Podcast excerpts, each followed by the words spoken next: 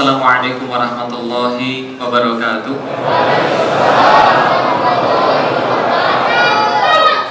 Alhamdulillahirabbil alamin wassalatu wassalamu ala asrofil anbiya'i wal mursalin wa ala alihi wa sahbihi wa man da'a bi da'watihi wa iltazamma bi tariqatihi wa tarasama khutah wa jalal aqidatan islamiyatan asasan li wa ahkama syar'iyyatan bi kasri a'malih wa masdaran li ahkamih Ashhadu an la ilaha illallah wa ashhadu anna Muhammadan abduhu wa rasuluhu la nabiyya ba'da. Allah Ta'ala fi kitabihil karim A'udzu billahi minasyaitonir rajim. Bismillahirrahmanirrahim. Wa ukhra taqdiru 'alaiha qad ahamallahu biha wa kana ala kulli syai'in qadir Alhamdulillah puji dan syukur senantiasa kita panjatkan kepada Allah Subhanahu wa taala atas rahmat, atas rahimnya. Kita semua dapat hadir di sini bermuajahah, berjumpa dan kita berharap mudah-mudahan perjumpaan yang kita lakukan di dunia ini kelak akan menjadi saksi bagi Allah untuk mengumpulkan kita kembali di yaumil kiamah sebagai umat yang satu, sebagai umat yang berkasih sayang satu sama lain sebagai umat yang insya Allah sama-sama menginginkan ridha Allah Subhanahu Wa Taala dan mudah-mudahan nanti di yaumil kiamat kita tidak menjadi manusia manusia yang saling menuntut satu sama lain tapi menjadi manusia-manusia yang kelak saling membela satu sama lain karena keagungan Allah. Salam dan salam semoga tercurah dan terlimpahkan kepada baginda Nabi besar Muhammad Sallallahu Alaihi Wasallam, manusia mulia, manusia sempurna, yang tentu kepada uh, kepadanya lah kita senantiasa berteladan dan senantiasa kita mencontoh seluruh perbuatan maupun perkataannya. Karena tidaklah apa pun yang beliau perbuat kecuali yang paling baik dan tidaklah apa yang beliau sampaikan kecuali itu adalah yang paling benar. Maka mudah-mudahan kita semua tetap dalam apa pun yang telah beliau sampaikan kepada kita baik itu adalah perkataan, perbuatan ataupun diamnya beliau. Dan mudah-mudahan ketika kita di yaumil kiamat tidak hanya menjadi orang-orang yang mengakui beliau sebagai uh, nabi kita, tapi mudah-mudahan beliau juga mengakui kita sebagai bagian daripada umatnya. Amin.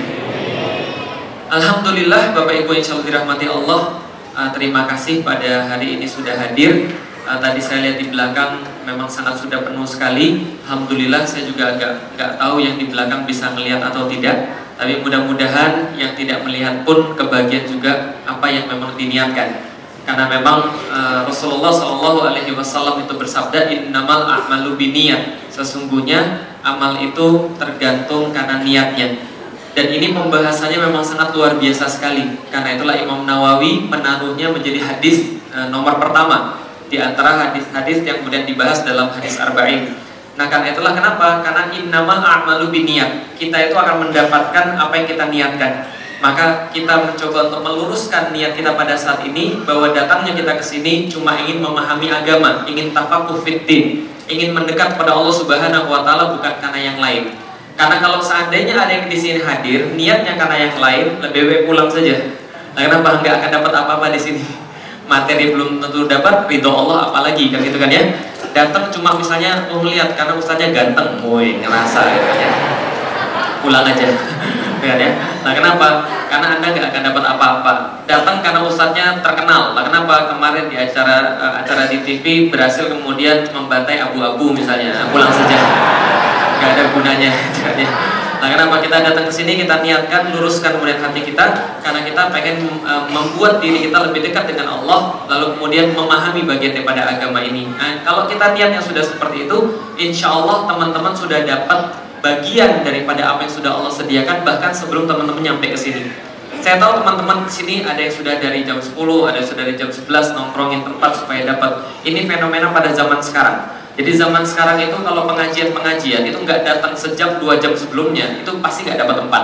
Apalagi kalau yang ngisi Ustadz Adi Hidayat, Ustadz Abdul Somad, isinya subuh itu sudah bermalam dari sana, masya Allah karena saya pernah mengalami sendiri. Saya nyoperin beliau gitu kan yang ngisi di masjid dekat sini. Lalu kemudian ketika itu uh, saya keluar sebelum sebelum beliau selesai saya sudah keluar parkir mobil di tempat pintu keluar. Jadi kemudian pas saya buka kaca itu lihat Assalamualaikum Ustaz Felix. Waalaikumsalam. Boleh foto Ustaz? Ya silakan. Saya di dalam mobil saja ya saya mau siap-siap. Ustaz Abdul Somad keluar. Cewek-cewek Ustaz Abdul Somad nikahi saya nikahi saya.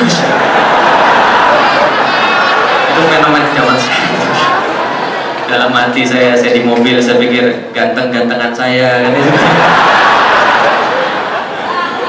Enggak, tapi enggak. Yang pengen saya sampaikan memang ini fenomena pada zaman sekarang. Zaman sekarang ini adalah kalau kalau apa yang saya sampaikan ini adalah partai final, teman-teman sekalian. Dalam partai final itu, kalau Anda tidak termasuk masalah, berarti Anda termasuk solusi. Kalau Anda bukan termasuk solusi, berarti Anda termasuk masalah. Bisa dipahami, teman-teman sekalian itu kayak piala champion. Kalau piala champion sekarang ada 16 tim misalnya. Maka ada 16 fans yang terbagi di dalam 16 tim itu. Nanti kalau seandainya 16 tim ini sudah melanjutkan pada proses berikutnya ada 8 tim 8 tim itu artinya apa? 16 fans itu yang timnya sudah kalah akan menggabungkan diri pada tim yang masih tersisa. Paham maksudnya? nah jadi ada 8 fans yang kemudian mewakili 8 tim. Nanti kalau sudah jadi 4 yang 8 ini kemudian mengerucut jadi 4 nanti kalau sudah final alias sudah dua tim yang tersisa itu yang tadi fans sebanyak itu yang terbagi menjadi 16 tim itu sudah menjadi dua. Itu persis kayak sekarang. Namanya polarisasi dan kalau teman-teman baca sirah dan cermat dalam mencermati sirah Rasulullah itu, ini adalah kejadian persis tiga tahun terakhir dakwah Rasulullah Shallallahu Alaihi Wasallam sebelum diberikan kemenangan dengan Futu Makkah. Itu adalah sorry bukan Futu Makkah. Sebelum diberikan kemenangan dengan hijrah ke Madinah. Tiga tahun terakhir dakwah Rasulullah Shallallahu Alaihi Wasallam itu terjadi polarisasi jadi ada orang kafir yang bahkan kemudian memihak pada Rasulullah, ada orang-orang yang tidak tahu apa-apa memihak pada Rasulullah, dan ada orang yang memihak pada kafir Quraisy. Tapi tidak ada yang di tengah-tengah. Nah kenapa? Ciri-ciri polarisasi itu adalah orang bukan hanya kehilangan kebebasan untuk ngomong, tapi kehilangan kebebasan untuk diem. Jadi paham teman sekalian. Jadi diem aja nggak bisa zaman sekarang. Jadi kalau Anda tidak membela Islam, Anda pasti dicurigai sebagai bagian daripada kecebong tadi. Kata ya? Tapi kalau Anda kemudian membela Islam, itu Anda menegaskan diri Anda, melebeli diri Anda sendiri, bisa dipahami teman-teman sekalian. Tapi kemudian kalau Anda kemudian tidak apa-apa, Anda diem, Anda pasti dipertanyakan, Anda ini sebenarnya ada di mana sih sebenarnya? Nah, kenapa? Karena sekarang itu bagian daripada polarisasi. Nah, maka itu beda dengan ketika pertama kali saya menginjakkan ke Jakarta 2006, itu nggak ada pengajian serami ini. Lah kenapa? Jangankan pengajian, orang kerudungannya masih jalan, Ibu-ibu nggak ada yang tahu kerudungan syari pada zaman itu.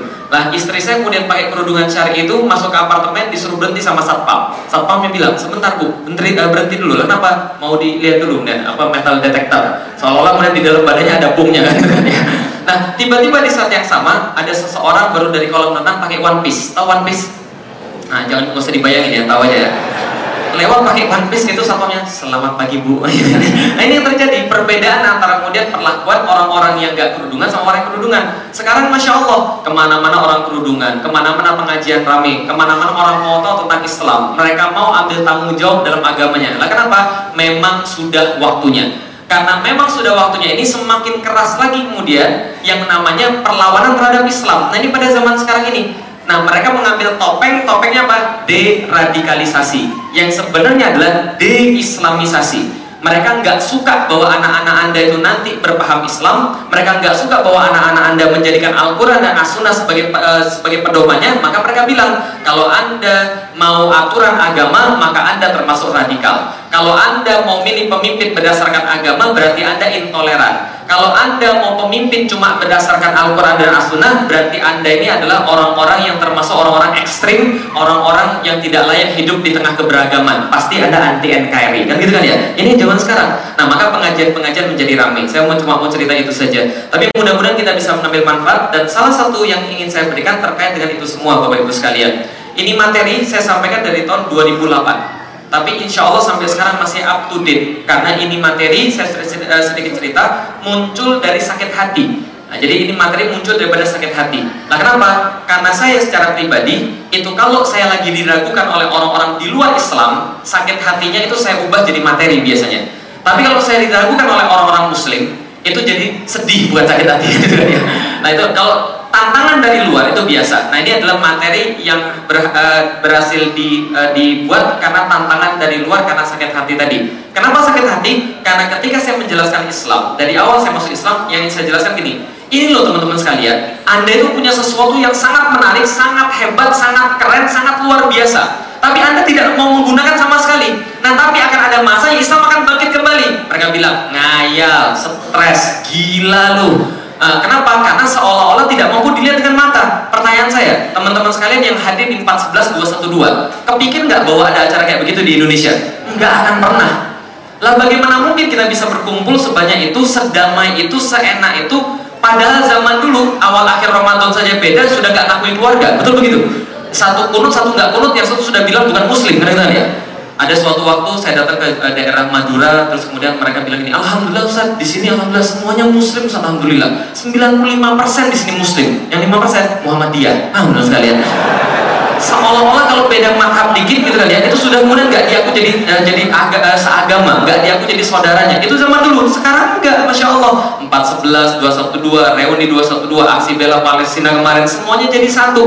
Istri saya masuk ke IPB belajar kerudungan lalu kemudian balik ke kampungnya kampungnya di Pati Jawa Tengah ketika dia pakai kerudung panjang itu seluruh kampung ribut kenapa kamu masuk Muhammadiyah ya gitu seolah-olah gitu kan ya nah itu zaman dulu Beda dengan pada zaman sekarang. Nah ini materi yang saya buat karena kekesalan pada zaman dulu orang-orang meragukan bahwa Islam akan bangkit kembali, Islam akan kembali jaya. Judulnya Muhammad Al-Fatih. Dan di depan ini Bapak Ibu sekalian, ini semua gambarnya semuanya bohong. Kecuali pedangnya asli. Pedangnya di mana? Pedangnya tersimpan di Museum Topkapi. Tapi banyak orang pergi ke Istanbul, pergi ke Museum Topkapi, tapi tidak lihat pedang ini. Siapa yang sudah pernah pergi ke Istanbul tapi nggak lihat pedang ini? Sudah pernah pergi ke Istanbul tapi nggak lihat pedang ini? Tahu kenapa pedang ini banyak dilewatkan? Karena tempatnya dipasang di sebelah kiri, sehingga ketika ada orang masuk langsung lurus ke pintu kedua, nggak lihat bahwa ada tempat yang sangat berharga di sini.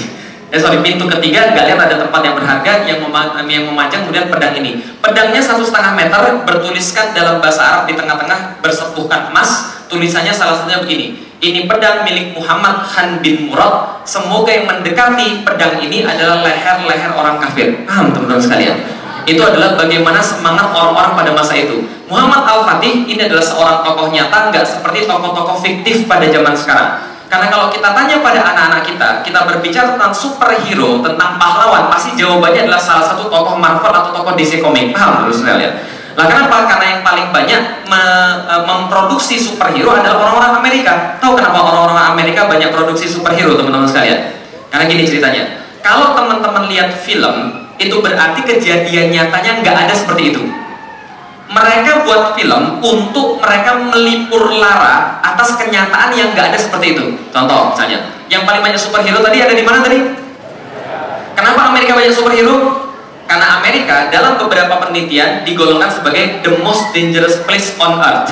Tempat yang paling berbahaya di dunia itu di Amerika. Buktinya apa? Satu, mereka merilis kemarin. Setiap satu setengah menit sekali terjadi perampokan. Jadi kalau kita bicara dari tadi sudah berapa menit, sudah berapa kali terjadi perampokan di seluruh benua Amerika. Setiap satu setengah jam sekali terjadi pembunuhan. Setiap berapa jam sekali terjadi pemerkosaan dan so on, so on, so on dan seterusnya, seterusnya, seterusnya. Tempat paling berbahaya di dunia itu ada di Amerika. Mereka bilang, tapi terorisme yang buat kami bahaya. Obama pernah bilang gini, coba kalian hitung berapa korban karena terorisme dan berapa korban gara-gara Anda punya senjata lalu nembakin saudara-saudara Anda sendiri. Ternyata yang mereka dapat 1000% lebih tinggi orang yang mati karena senjata dibandingkan orang yang mati karena terorisme. Bisa dipahami teman-teman sekalian? Artinya kalau mereka takut dengan terorisme yang mereka tuduh Islam di situ, harusnya mereka lebih takut pada kebijakan mereka yang memperbolehkan senjata secara legal itu kemudian bisa kita lihat. Amerika the most dangerous place. Maka mereka mikir enaknya hidup itu kalau tidak ada kriminal. Enaknya hidup itu ketika ada yang mau nembak kita tiba-tiba ada superhero yang kemudian di tengah-tengah ting kemudian lepas gitu kan ya. Kemudian uh, pelurunya nggak bisa tembus maka mereka buat Superman. Mereka buat Spiderman. Mereka buat Hulk. Mereka buat Thor dan sebagainya. Nah, kenapa? karena mereka tidak pernah mendapatkan keamanan di dalam hidup mereka. Paham teman-teman sekalian? Contoh lagi yang lain. Film Korea. Ibu-ibu senang nonton film Korea? Oh serius Kayaknya kemarin banyak yang posting pas ada yang mati kemarin gitu kan. Sering nonton film Korea? Oke, yang sering nonton film Korea, romantis atau tidak? Cowok-cowok Korea romantis atau tidak? Di filmnya romantis, kenyataannya begitu atau tidak? Kalau di film itu romantis, berarti kenyataannya nggak begitu. Nah, kenapa? Kenyataannya orang Korea sama orang Jepang itu berebut yang mana yang paling banyak bunuh diri di dunia. Paham teman sekalian? Dikit-dikit bunuh diri, dikit-dikit bunuh diri, dikit-dikit bunuh diri. Pas saya ke Jepang itu, itu ada satu kereta, mereka promosinya begini, naiklah kereta kami, karena ketika ada yang bunuh diri, kami mau bersihkan 30 menit lebih cepat, paham teman sekalian? Karena saking banyak bunuh diri di sana. Nah kenapa dikit-dikit mereka bunuh diri? Dapat nilai ujian kecil, bunuh diri. Dibully orang, bunuh diri. Lihat sinetron, ujungnya nggak senang, bunuh diri. Nah ini terjadi. Karena mereka sangat rendah sekali keinginan untuk hidupnya. Makanya mereka banyak bunuh diri. Orang Korea banyak bunuh diri, orang-orang Jepang banyak bunuh diri. Tapi di film sangat romantis sekali karena kenyataannya nggak ada. Nah orang Indonesia kenapa nggak punya film? Karena nggak perlu temen yang namanya hayalan-hayalan tadi paham sekalian. Itu alasan aja ya. Oke, jadi iya nggak? Yang pengen saya sampaikan begini, ini bukan tokoh fiktif ini adalah tokoh nyata, orang yang benar-benar ada, dan yang lebih hebat lagi adalah keberadaan dia pernah disampaikan oleh lisan Rasulullah Shallallahu Alaihi Wasallam ketika Rasulullah masih hidup. Dan saya akan mulai pembahasan ini dengan satu kata yang namanya bisyarah. Jadi gini bapak sekalian, Islam punya satu istilah yang namanya bisyarah. Apa ini bisyarah? Bisyarah adalah suatu keadaan di masa depan yang belum mampu kita lihat, tapi walaupun belum mampu kita lihat, kita merasa senang dengan bisyarah itu. Kenapa? Karena datangnya daripada Allah dan Rasulnya. Jadi bisyarah adalah kenyataan di masa depan yang disampaikan oleh Allah dan Rasul tentang masa depan. Itu kita belum mampu melihat, tapi kita sudah merasa senang karena kita dapat bisyarah tadi. Itu namanya bisyarah. Jadi bukan bisyarah versi Indonesia. Kalau bisyarah versi Indonesia berbeda. Suatu waktu ada yang nelfon, Assalamualaikum Ustaz, Waalaikumsalam Ustaz boleh ngisi di tempat kami? Iya, kapan? Tergantung waktunya Waktunya gini, gini, gini Oke, boleh, insya Allah Mohon maaf Ustaz, kami mau nanya, tapi jangan tersinggung Ustaz ya Iya, gimana? Bisyarohnya berapa Ustaz? Sebentar Saya belajar bahasa Arab, bisyaroh itu artinya kabar gembira Paham ya sekalian? Lalu kemudian saya ditanya, bisyarohnya berapa? Usut punya usut, ternyata menurut orang Indonesia Bisyaroh artinya amplop Paham? Oh, berarti jangan-jangan Ustaz ketika dikasih amplop kabar gembira nah, Jadi tapi bisyaro asli dalam bahasa Arab adalah kabar gembira yang disampaikan oleh Allah dan Rasul berkaitan dengan masa depan. Kita belum mampu lihat, tapi kita merasa senang karena itu. Contoh, surga. Mau masuk surga? Mau masuk surga? Benar? Surga Allah itu sangat luar biasa. Disampaikan kepada kita bagaimana bicara tentang surga itu? Arduhas samawati wa ard. Sesungguhnya surga itu adalah seluas langit dan bumi. Di situ banyak sekali dan buah-buahan pohon-pohon yang bisa diambil dengan tangan buah-buahnya. Lalu kemudian rumputan-rumputan yang tebal seperti permadani. Ada mimbar-mimbar daripada cahaya dipan-dipan bertelekan emas. Orang-orang mukmin duduk kemudian berhadap-hadapan sampai bercanda di situ. Di situ beredar banyak pelayan-pelayan yang melayani mereka. Mereka mau minum apa saja ada di sana. Sungai-sungai kemudian dari dari khamar sungai-sungai dari susu sungai-sungai dari air, semua lengkap di sana. Rumah-rumah yang terbuat dari kaca dan mutiara, semua ada di sana. Yang paling penting bagi laki-laki di situ ada Baik, hurun ain, bidadari bidadari bermata jeli. Lam yatmithunna insum qablahum walajan. Tidak pernah dia disentuh oleh manusia apalagi oleh jin. Hurum maksuratum fil khiyam. Mereka benar-benar terpingin tidak boleh keluar sebelum Anda kemudian yang memanggil mereka keluar ketika di surganya Allah. Masya Allah. Yang kabarnya kalau betisnya saja kelihatan itu sudah kalah bulan purnama dan seluruh isinya. Paham Terus sekalian? Gak usah dibayangin ya. Kira-kira begitulah. Ibu-ibu protes. Kalau gitu kita dapat apa Ustaz? Oh tenang, ibu-ibu nanti di surga dijanjikan oleh Allah Subhanahu wa taala suami-suami mereka insya Allah. Yang belum bersuami, makanya nikah dulu, paham ya Nah, mereka dapat suami-suami mereka. Masa cuma suami? Nah, itu suami-suami dapat bidadari. Masa kami cuma dapat suami? Tenang Ibu, apa pun yang Ibu minta pada Allah dikabulkan di sana, langsung sekejap dikabulkan. Pas saya bilang begini, ada ibu-ibu majelis taklim bilang begini, "Saat kalau gitu kita mau minta, minta apa? Kita mau minta agar suami kita tidak boleh dapat bidadari. Coba saja siapa tahu berhasil." Paham maksudnya? Bisyarah adalah kabar gembira tentang keadaan di masa depan tidak mampu kita lihat sekarang tapi kita senang kenapa? karena yang ngomong adalah Allah dan Rasul dan berkaitan dengan bisyarah ini ternyata bisyarah bukan hanya berbicara tentang masalah akhirat tapi berbicara tentang masalah dunia kenapa saya pasang gambar pohon? karena bagi saya bisyarah itu seperti pohon di tengah-tengah terik matahari tempat berharap ketika saya lagi futur ketika saya lagi gak semangat nah kenapa? begitu gak semangat saya ingat bisyarah tiba-tiba saya semangat Begitu saya kemudian futur, saya ingat bisyarah, tiba-tiba saya mau melanjutkan dakwah. Nah kenapa?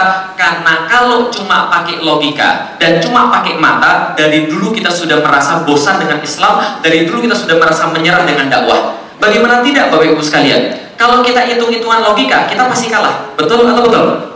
Coba lihat, mereka punya kekuasaan, mereka punya uang, mereka punya kewenangan, mereka punya segala-galanya. Kita tiga hari tiga malam ngisi pengajian, capek, letu, uh, letih, lesu, lemah, loyo, gitu kan ya. Yang sadar cuma berapa orang? Yang sadar cuma tiga orang, empat orang yang sadar. Tapi TV sekali mengenayangkan sesuatu yang salah, melakukan membangun hoax misalnya, atau hoax yang membangun apalah namanya. Nah itu kemudian jadi banyak tersesatkan gara-gara itu. Kenapa? Karena mereka punya segala-galanya. Kalau pakai logika, kita nggak bakal menang-menang teman-teman sekalian. Mereka punya Kita bulan depan kontrak di mana saja masih bingung kan gitu ya. Nah kalau kita pakai logika, kita nggak bakal menang. Maka suatu waktu ketika saya masuk Islam, saya diskusi sama bapak saya, Pi, kali masuk Islam. Bapak saya bilang, kamu gila kamu ya? enggak masukan setan kamu ya saya ganteng begini masa masukan setan enggak Enggak mungkin, kamu pasti dicuci otaknya. Lah kenapa? Ngapain kamu mau masuk Islam? Saya bilang, Pi, Islam adalah agama yang paling baik, agama yang paling benar. Bapak saya bilang, enggak, enggak ada ceritanya begitu. Faktanya enggak begitu kok. Yang lebih banyak enggak makan bukan yang lebih banyak enggak makan adalah muslim. Yang lebih banyak enggak sekolah juga muslim. Yang banyak kemudian dibully orang juga muslim. Mereka itu kemudian yang salah. Saya bilang, Pi, yang papi lihat itu bukan Islam, tapi muslim. Muslim itu adalah penganutnya, Islam itu adalah agamanya. Jangan nilai Islam dari muslimnya. Muslim bisa jadi salah. Itu karena mereka tidak menerapkan Islam. Lalu bapak saya kamu masuk Islam barusan merasa paling tahu tentang orang-orang yang dari dulu sudah Islam. Kenyataannya begitu saya bilang. Coba kalau nggak percaya, papi tanya sama orang Muslim 10 orang, berapa di antara mereka yang sholat? Andai kan ada di antara mereka yang sholat, coba tanya sama mereka apa yang mereka baca pas Al-Fatihah. Coba tes Al-Fatihahnya, berapa banyak betul Al-Fatihahnya. Yang ketiga, coba cek mereka ngerti nggak arti Al-Fatihah itu apa. Kalau misalnya mereka ngerti, coba cek mereka pernah baca nggak tafsir Al-Fatihah itu seperti apa. Saya yakin cuma 3% yang tahu. Saya di mana ibu sekalian? Mau dites? tiga persen yang paham. Berarti saya bilang sama bapak, saya cuma tiga persen mungkin orang yang memahami Islam, sedangkan yang lain mungkin mereka tidak mau tahu tentang Islam. Lalu bapak saya tanya, sudah tahu kamu tiga persen orang yang cuma paham tentang Islam, kamu malah masuk ke Islam? Saya bilang justru itu, karena saya harus menyampaikan pada mereka tentang keindahan Islam itu. Bapak saya bilang, ngayal kamu lik, nggak pakai logika matematik. Logika matematikmu di mana lik? Yang ada 97 persen yang merubah tiga persen. Nggak pernah ada tiga persen merubah 97 persen saya bilang begini, betul. Tapi untungnya Tuhan saya nggak pakai logika matematik. Logika Tuhan saya sederhana. Kalau dia mau sesuatu dia tinggal ucapkan pun fayakun. Kalau dia mau sesuatu dia, tinggal ucapkan jadi maka jadilah. Maka itu logika Tuhan saya. Nah, kenapa? Karena ada bisyarah. Karena kita tahu bisyarah itu Islam pasti tegak, maka kita tetap di atas jalan dakwah. Tapi kalau kita nggak ada bisyarah, sudah pasti putus dari dulu. Lah kenapa? Mikir ini hidup sengsara banget gitu kan ya. Kapan umat muslim akan bersatu? Awal akhir Ramadan aja ribut gitu kan ya. Ada yang satu begini bilang, "Oh ini salah." Yang benar begini. Yang bilang begini, ini salah, justru kamu yang batal sholatnya karena kamu gerak terus. Lalu kemudian datang orang ketiga, yang begini salah, yang begini salah, kalian semua bid'ah, cuma gue yang benar. Nah ini masalah juga. Nah kenapa? Lah gimana bisa orang muslim bersatu? Kayaknya kalau kita lihat pakai logika, kita lihat pakai mata nggak bisa bersatu. Tapi untungnya kita punya yang namanya bisyarah. Kejadian masa depan yang diprediksi, bukan diprediksi, yang disampaikan oleh Allah dan Rasul yang pasti benar, yang kita merasa bahagia ketika mendapat itu. Contoh, ini adalah bisyarah. Ngomong-ngomong, ngomongnya cepatan atau tidak? Ya, kalau itu saya coba melambatkan ya. Mudah-mudahan berhasil. Jadi gini, ini dulu di dunia cuma ada dua negeri. Jadi dunia zaman dulu itu tidak serumit pada zaman sekarang. Dunia zaman dulu kalau dibagi dua itu cuma timur, sorry, timur barat selesai. Timur yang warna kuning namanya Persia, barat yang warna biru namanya Romawi. Ceritanya begini, ini di tengah-tengah bendera apa? Ini bendera Rasulullah, paham ya? Jelas ya, bendera bertuliskan La ilaha illallah Muhammad Rasulullah. Kapan ini terjadi? 622 Masehi. 622 Masehi Rasul hijrah dari Mekah ke Madinah dan inilah konstelasi politik ketika beliau menegakkan Islam di Madinah. Sebelah kanan terbentang sebuah wilayah namanya Persia yang sudah berusia sekitar 1173 tahun pada saat itu dan wilayahnya sekitar 7 juta kilometer persegi sekitar tiga kali lipatnya Indonesia. Sedangkan Eropa atau Romawi pada masanya itu baru berusia setengahnya daripada Persia 650 tahun itu kerajaan Romawi dan mereka menguasai seluruh wilayah barat termasuk lautan Mediterania ini jadi kolam pribadinya mereka. Bisa dipahami teman-teman sekalian? Nah ceritanya setelah Rasulullah wafat Abu Bakar, Us, uh, Abu Bakar Umar menaklukkan seluruh wilayah Persia sehingga seluruh wilayah Persia ini ditaklukkan dan masuk menjadi wilayah Islam. Maka pada waktu Islam vis a vis dengan Romawi. Jadi gini ceritanya teman-teman sekalian. Ketika Islam vis a vis dengan Romawi, tahan sampai di sini, saya mau nanya pada teman-teman sekalian, kalau sekarang teman-teman dikasih gratis untuk pergi ke satu tempat, ke satu kota, gratis. Pilih mana, ke kota mana selain Mekah dan Madinah? Selain Istanbul apa lagi? Palestina selain Palestina Al-Aqsa apa lagi? Apa? Cordoba, Barcelona, apa lagi? Selain Barcelona, Madrid, terus apa lagi? Manchester, terus apa lagi? Milan, ya, klub bola semua yang ada hafal ya kan ya? Itu zaman sekarang. Tapi zaman dulu nggak ada Paris, nggak ada Barcelona, nggak ada Madrid, apalagi Jakarta. Zaman dulu teman-teman sekalian, kalau orang ditanya, kalian pengen pergi ke kota mana yang paling kalian inginkan di dunia, maka jawabannya pasti salah satu di antara dua. Kalau nggak Konstantinopel, pasti Roma. Itu di zamannya Rasul sampai kemudian takluknya Persia. Ada dua kota terhebat di dunia. Satu namanya kota apa? Konstantinopel. Yang kedua namanya kota apa? Roma. Sekali lagi yang pertama namanya apa? Yang kedua namanya apa? Yang pertama kota Konstantinopel. Wajar. Kenapa? Kota ini dikatakan pada masanya di dalam tembok-temboknya memiliki jumlah gereja yang lebih banyak daripada jumlah hari dalam setahun.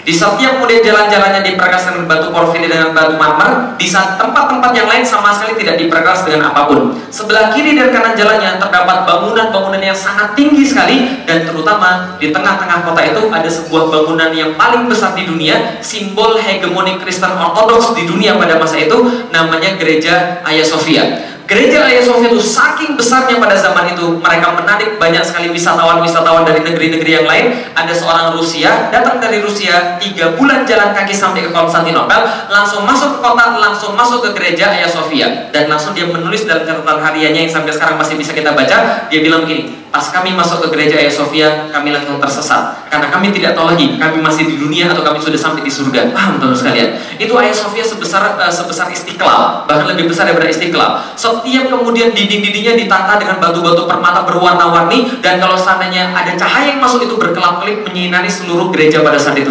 Tempat itu sangat indah sekali, semua orang pengen pergi ke kota Konstantinopel. Kota kedua namanya kota Roma yang sampai sekarang masih menjadi simbol hegemoni Kristen Katolik di seluruh dunia. Hebatnya di kota itu apa? Kota itu ada ratusan alun-alun. Dan setiap alun-alun di kota Roma ini ada minimal 2 sampai 3 air terjun dan setiap air terjun di kota Roma sampai detik saya berbicara itu bisa langsung diminum. Paham Bapak sekalian? Karena didatangkan dari seluruh uh, air air mata air mata di tempat yang lain lalu kemudian mengisi di seluruh kota Roma tadi. Kota Roma ini sangat indah sekali, maka orang menyebutnya kalau bukan gara-gara Konstantinopel, sudah pasti kota ini menjadi kota nomor satu di dunia. Berarti ada dua kota. Satu apa? Dua apa? Dan dua kota ini sama-sama disebutkan oleh Rasulullah Shallallahu Alaihi Wasallam dalam satu hadis yang sama. Kapan hadisnya? Loncat lagi 5 Hijriah. Terjadi satu perang yang sangat penting dalam sejarah Islam yang termasuk perang paling sulit dalam sejarah Islam. 5 Hijriah. Perang apa? Perang Khandaq atau namanya perang Parit. Di dalam Al-Qur'an namanya perang Ahzab. Maka dalam surat 33 itu namanya surat Ahzab. Surat Ahzab artinya adalah Al-Ahzab, artinya adalah pasukan koalisi. Hizb itu kelompok, Ahzab itu adalah kelompok-kelompok pasukan koalisi. Jadi pasukan koalisi pada saat itu mereka pengen balas dendam atas kekalahan mereka dari perang Badar dan perang Uhud. Jadi perang Uhud beberapa sejarah mengatakan kita kalah. Tapi sebenarnya orang Arab Quraisy merasa mereka lebih kalah daripada pasukan kaum muslimin. Maka mereka pada tahun 5 Hijriah mengumpulkan pasukan koalisi untuk kemudian once and for all menghabisi Islam menghabisi Islam sampai ke akar-akarnya. Berapa yang mereka kumpulkan? Yang mereka kumpulkan dalam pasukan koalisi 10.000 pasukan. Berapa pasukan? 10.000 pasukan berjalan dari Mekah ke Madinah ingin menghancurkan Rasulullah lalu kemudian menghabisi Islam 5 hari sampai 6 hari sebelum mereka nyampe ke kota Madinah maka bocorlah pasukan ini oleh intelijennya Rasulullah Shallallahu Alaihi Wasallam rencananya bocor. Kenapa? Intelijen Rasul canggih. Siapa intelijennya? Malaikat Jibril. Paham sekalian? Malaikat Jibril kasih tahu, ini ada pasukan 10 ribu datang kemari, pengen menghancurkan Madinah, pengen membunuh Muhammad. Maka silakan cari cara untuk kemudian bagaimana caranya bisa menghambat mereka. Maka Rasulullah kumpulkan para sahabat, Rasulullah bilang, ini ada 10 ribu pasukan, sedang datang ke sini ingin menghancurkan kita. Siapa di antara kalian ada syarat? Salman Al Farisi katakan, Ya Rasulullah, kami dulu di Persia ketika melawan pasukan yang jumlahnya jauh lebih banyak daripada kami dan jumlah para sahabat saat itu cuma 3000 yang siap. Secara logika 3000 lawan 10000 siapa yang menang? Secara logika, siapa yang menang? Salman Al Farisi bilang, kalau kami di Persia lawan pasukan yang jumlahnya jauh lebih banyak daripada kami, kami bangun parit kami gali parit, lalu kemudian tumpuk ke atas, kami punya bukit buatan, kami menempatkan pasukan-pasukan pemanah di sana, kami panah mereka, mereka tidak bisa panah kami. Kami punya higher ground. Nah ini walaupun kita lakukan, saya tidak jamin menang. Nah, kenapa? Pasukan terlalu berlipat lebih banyak, kita bisa uh, kita bisa jadi kalah karena pasukan mereka lebih banyak. Rasul katakan, gak ada masalah. Ayo bikin paritnya. Maka disepakatilah dibikin parit sebelah utara Madinah yang jaraknya 8 km. Berapa? 8 km. Jakarta 8 km dari mana sampai ke mana? 8 km Jakarta. Saya sudah ngitung, Cawang sampai Semanggi. Itu 8 km. Bisa dibayangkan Cawang sampai Semanggi? Itu 8 km dan gali parit bukan di tanah Indonesia. Gali paritnya di tanah Arab. Tanah Indonesia itu tinggal pakai cangkul selesai. Ini gali parit di tanah Arab. Sudah pernah pergi ke Arab? Sudah lihat tanah Arab kayak apa? Itu galinya bukan pakai cangkul, pakai lembing, paham sekalian? Dipercayain kemudian batunya, diangkat batu-batu satu persatu ke atas dan paritnya menurut Salman Al Farisi sudah ada spesifikasinya. Lebarnya harus 5 meter, dalamnya harus 3 meter. Lah kenapa? Karena kalau kuda melompat 5 meter gak akan sampai. Kalaupun sampai dia kalaupun sampai jatuh, jatuh nggak bisa naik lagi. Paham menurut sekalian? Coba bayangin baik-baik, 8 km, lebarnya 5 meter, dalamnya 3 meter, digali dalam waktu berapa lama? 6 hari paling banyak. Dan mereka cuma 3000 orang pasukan musuh 10.000 orang dan mereka harus kemudian menghadapi masalah lain. Apa masalahnya? panas luar biasa dan makanan-makanan mereka. Menurut satu riwayat adalah tangan mereka dicelupkan ke air kemudian dimasukkan ke gandum maka gandum yang lengket di tangan itu dijilati untuk seharian. Kira-kira berat atau tidak? itu absara. Kita lihat Allah kata di dalam Al-Quran, "Itja'akum uh, min fawqikum wa min asfala minkum." Coba kalian ingat-ingat baik-baik ketika mereka datang kepada kalian dari depan dan dari belakang kalian. Itzalatil absara. Ketika bergoyang-goyang pandangan kalian, getar pandangan kalian, takutnya minta ampun. Wa wala baghatil qulubil qulubul hanajir. Lalu lihat masuk kemudian hati ini sampai menyesek sampai ke tenggorokan. Karena rasa takut mereka itu. Lalu kemudian Allah katakan, "Wa tadzunnuna billahi dzununa." Dan kalian berprasangka pada Allah dengan berbagai prasangka. Apa yang mereka lakukan? Ya Rasulullah minta izin ya Loh emang kenapa? Ini anak saya di rumah belum makan ya Rasulullah. Bukankah di dalam Islam itu sebagai bapak adalah bertanggung jawab pada anak-anak? Nah ini saya mau ngasih makan anak-anak saya dulu Balik kabur nggak balik lagi. Paham sekalian? Ada lagi ya Rasulullah saya mau pulang dulu ya Rasulullah. Lah kenapa? Istri saya di rumah nanti takut kalau ada yang gangguin ya Rasulullah. Bukankah di dalam Islam kita harus menjaga istri kita? Sudah salah pakai dalil. Paham sekalian balik dan kabur nggak balik lagi pada pasukan. Yang tinggal bersama Rasulullah pada saat kondisi tertekan seperti itu cuma dua tipe orang teman-teman sekalian. Yang pertama yang benar-benar beriman yang tidak ragu sedikit pun pada Rasulullah dan pada Allah. Yang kedua Yahudi yang terpaksa. Yang pertama siapa? yang benar-benar beriman. Yang kedua siapa? Loh kok tiba-tiba ada Yahudi di situ yang terpaksa kira-kira gimana? Jadi gini, dalam piagam Madinah di situ tertulis Yahudi kalau ada yang menyerang Madinah mereka harus ikut bantu. Tapi Yahudi bukan Yahudi namanya kalau mereka enggak kalau mereka enggak licik. Apa yang mereka lakukan? Mereka sudah kontak dengan pasukan Ahzab, mereka bilang begini, nanti kalau kalian datang ke garis depan, maka pasukan-pasukan pergi ke depan, kami di belakang ganggu keluarga mereka, biar mereka tidak konsentrasi untuk berperang. Itu yang Allah katakan, irja'akum min fauqikum wa min asfala minkum. Ketika datang dari depan kalian, pasukan 10 ribu itu, dan dari belakang kalian, anak-anak kalian, istri-istri kalian terancam diperkosa, terancam dibunuh, dan kalian diancam dihabisi kemudian rumahnya. Maka banyak yang mundur pada saat itu. Nah, kenapa? Karena Yahudi sudah bersekongkol. Tapi untuk kelihatan baik, mereka membantu pembangunan parit tadi. Cuma ada dua kelompok. Satu siapa? Yang benar-benar beriman. Yang kedua siapa? Yahudi yang terpaksa dalam kondisi seperti itu teman-teman sekalian ketika mereka lagi istirahat tiba-tiba ada yang nanya begini ya Rasulullah kira-kira besok yang kita taklukkan yang mana dulu Konstantinopel atau Roma paham maksudnya? Oh belum paham? Oke saya jelasin dulu. Jadi gini kira-kira. Mereka lagi ada di mana? Para sahabat lagi ada di mana? Di Madinah. Besok mau diserang dengan berapa pasukan? 10 ribu. Harus gali berapa kilometer parit? Lebarnya? Dalamnya? Dan mereka makannya gandum dicelup dan dijilat dan panasnya luar biasa tekanan luar biasa. Tiba-tiba ada yang nanya ya Rasulullah besok yang kita taklukkan yang mana? Konstantinopel atau Roma? Paham teman sekalian sekali lagi lihat mereka lagi ada di mana? Pertanyaan saya mereka pernah lihat Konstantinopel dan pernah lihat Roma? Nggak pernah lihat. Mereka cuma dengar dua kota itu dua kota terhebat dua kota terkeren. Mereka nggak pernah pergi ke sana. Zaman sekarang anda dari Madinah pergi ke Konstantinopel itu perlu waktu tiga setengah jam naik pesawat jadi paham teman sekalian? Mereka sama sekali nggak pernah tahu terpisah ribuan kilometer dari sana. Tiba-tiba nanyanya yang mana dulu Konstantinopel atau Roma? Langsung mendadak orang-orang Yahudi yang dengar pertanyaan begini langsung bilang Muslim sudah gila Nah, kenapa? Kayaknya gara-gara ngayal, kurang makan ini kayaknya ini.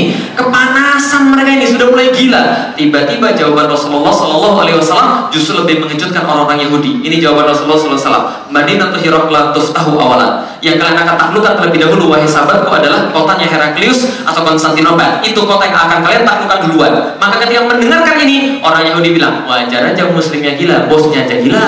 Ah, saya. Dan ini dicatat dalam Sirah Ibnu Ishaq. Yahudi berkata Muhammad sudah gila karena Muhammad berkata bahwa akan menaklukkan Persia, akan menaklukkan Romawi. Padahal hari ini mereka bahkan tidak bisa pergi ke tempat WC mereka sendiri. Bisa dipahami terus sekalian.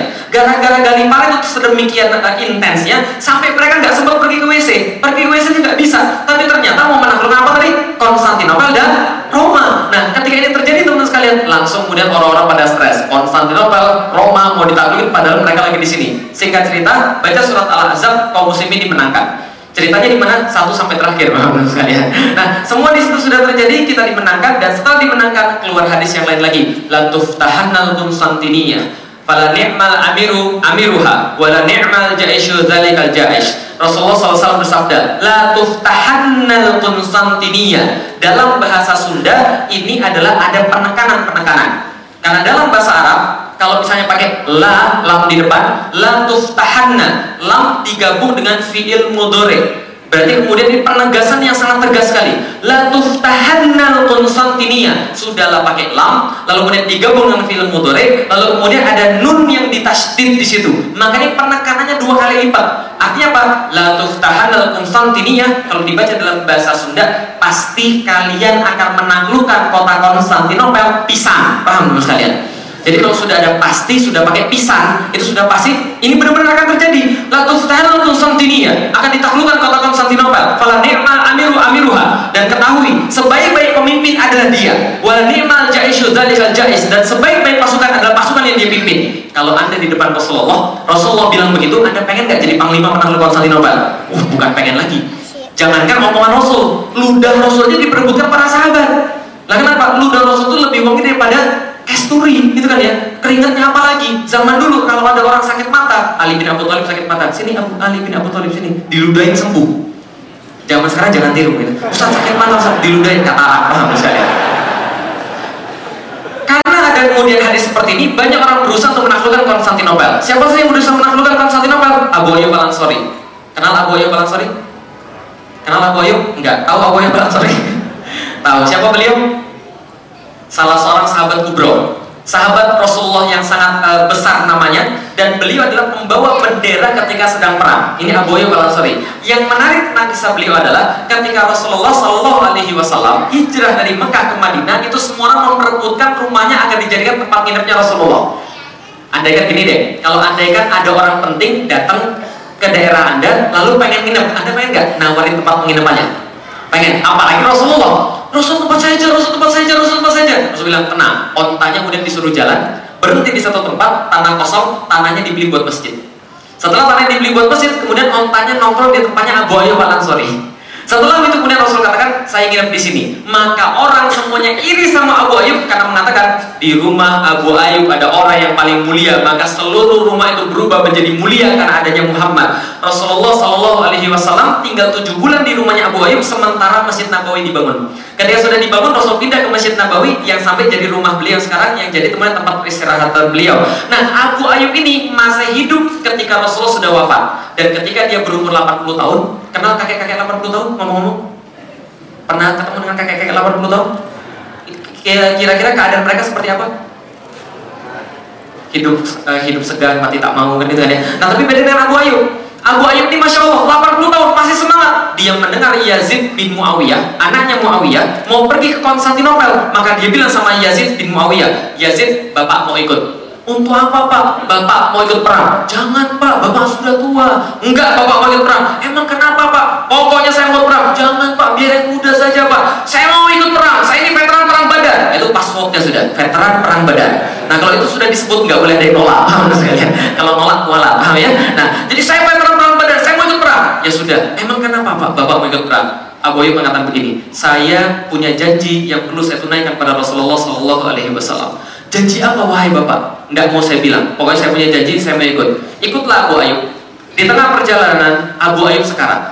Ketika Abu Ayub sekarat, dia bilang pada Yazid, Yazid jangan makamkan mayat saya di mana pun. Saya inginkan ketika saya mati, bawa mayat saya dengan kuda yang paling cepat dan paling kuat yang bisa engkau temukan. Larikan dengan kuda itu sampai ke tempat paling dekat dengan tembok Konstantinopel yang mampu engkau capai, makamkan mayat saya di sana supaya tunai janji saya pada Rasulullah Sallallahu Alaihi Wasallam. Apa janjimu, wahai bapak? Saya pernah bilang pada Rasulullah ketika Rasulullah masih hidup, ya Rasulullah, aku pengen menjadi orang yang mendengarkan gemerincing pedang dan deram kain kuda pasukan-pasukan yang menaklukkan Konstantinopel. Maka Rasul pun mengiyakan. Maka dibawalah mayat Abu Ayyub lalu kemudian dimakamkan di pinggir tembok Konstantinopel yang sampai sekarang masih ada teman sekalian. Maka ketika sudah dimakamkan, pasukan Yazid bin Muawiyah kalah total. Berikutnya kemudian Maslama bin Abdul Malik bawa 120 ribu pasukan kalah total karena mereka tidak mempertimbangkan ada musim salju di sana. Kemudian Khalifah Harun al-Rasyid, Yazid, Yazid uh, uh, kedua, sorry, Yazid pertama dan Murad kedua, semuanya kemudian pengen menaklukkan Konstantinopel, semuanya nggak bisa. Lah kenapa? Walaupun mereka sangat hebat, Konstantinopel lebih kuat. Balik lagi ke peta. Di mana ini? Di Persia salah. Di mana ini? Kayaknya ini IPS-nya dulu nyogok kan ditanya. ini Istanbul, ini Selat Bosporus Bapak sekalian. Ini Selat Bosporus. Selat Bosporus ini yang memisahkan antara Asia dan Eropa. Jadi sebelah sini ini Asia, sebelah sini ini Eropa. Batasnya apa? Ini satu Selat Bosporus, ini Selat Dardanel namanya. Nah, ini kemudian yang memisah antara Asia dan Eropa. Di mana Konstantinopel? Nah, letaknya di sini di antara Asia dan Eropa. Satu-satunya kota yang sampai sekarang itu berada di dua benua itu adalah Istanbul, Konstantinopel. Dari dulu ini sangat penting sekali ketika Napoleon Bonaparte pada perjanjian Tilsit pada tahun 1700-an dia berkata begini, andaikan saya punya seluruh dunia, maka ibu kota yang paling pantas di dunia pastilah Konstantinopel. Nah, kenapa? Kota terindah di dunia didaulat oleh semua orang adanya di Konstantinopel. Paham teman sekalian? Nah, kenapa bisa begitu? Nih kotanya. Bentuknya kayak segitiga bentuknya kayak segitiga dilapisi oleh tembok-tembok yang sangat besar sekali sangat kuat sekali. Sebelah sebelah bagian baratnya itu ini adalah teluk tanduk mas sebelah utaranya berba, uh, utara timurnya berbatasan teluk tanduk mas. Sebelah timurnya selat Bosporus ujung atasnya ke, uh, ke laut hitam ujung bawahnya ke laut Marmara.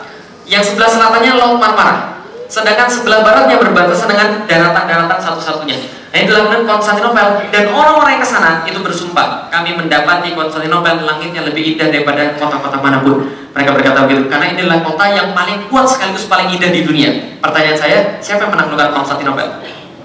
Namanya Muhammad Al-Fatih atau kita lebih kenal dengan nama Muhammad II bin Murad. Ini nama aslinya Muhammad II bin Murad dan ini adalah fotonya yang digambar oleh Gentile Bellini seorang seniman asal Itali yang kemudian membuat gambar dia pas menaklukkan kota Konstantinopel pada tahun 1453 dilihat dari gambarnya ini kira-kira berapa tahun Pak? 40 salah. 50 salah. Hah? 15 jenggotan begini Berapa? 23 salah 21 tahun betul Berapa usianya? 21 tahun Kok jenggotan saat? Karena dia orang Turki Paham menurut sekalian kalau orang Cina gak punya jenggot, jelas ya?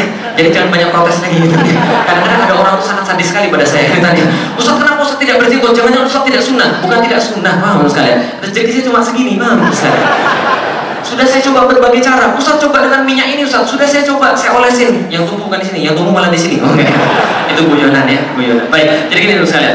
Muhammad bin Murad ini adalah anaknya daripada Murad kedua. Ini pentingnya materi ini yang perlu saya sampaikan. Pertama, bagaimana Murad kedua, bapaknya Muhammad Al-Fatih mendidik anak-anaknya. Jadi tolong diperhatikan pada anak-anaknya. Ini penting sekali karena Rasulullah berpesan yang menaklukkan kota Konstantinopel ini adalah sebaik-baik penakluk namanya Muhammad II bin Murad dia dari awal oleh bapaknya sudah disiapkan menjadi seorang penakluk karena bapaknya tidak mampu menaklukkan Konstantinopel perlu saya sampaikan nasab Muhammad Al-Fatih ini keturunan ketujuh daripada Sultan Utsmani namanya Utsman Ghazi Osman Ghazi ini dulunya luar biasa jadi gini ceritanya dia punya impian Osman Ghazi itu Uh, sebelum saya cerita ini, saya mau cerita bujutnya nomor tujuh dulu ya. Jadi tujuh buyut sebelum dia, tujuh kakek sebelum dia. Nah ini namanya Osman Ghazi, dia punya impian begini. Dia punya guru namanya Syekh Bali. Dia bilang gini, saya bermimpi di depan saya ada Syekh Bali. Dalam mimpi dia itu dia melihat di dada Syekh Bali keluar bulan sabit.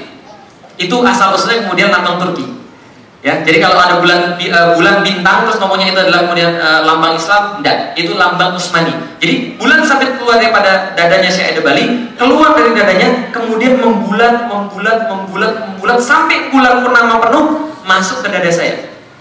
Lalu kemudian Usman cerita lagi, setelah dada saya kemudian masukkan bulan tadi, tiba-tiba keluar dari dada saya itu pohon yang besar sekali, pohon cenar namanya. Kalau nanti di Turki ada pohon besar sekali nama pohon cenar. Itu apa namanya?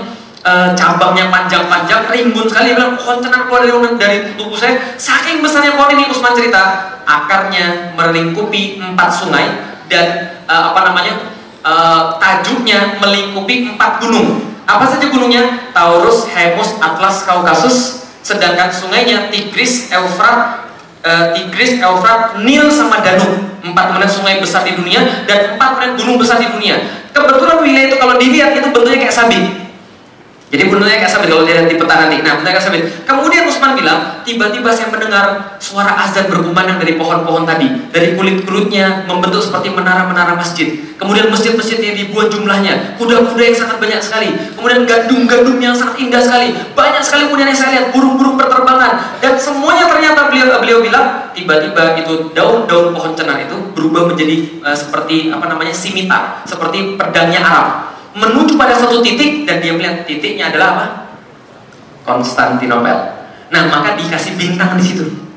Bulan bintang. Jelas sampai di situ.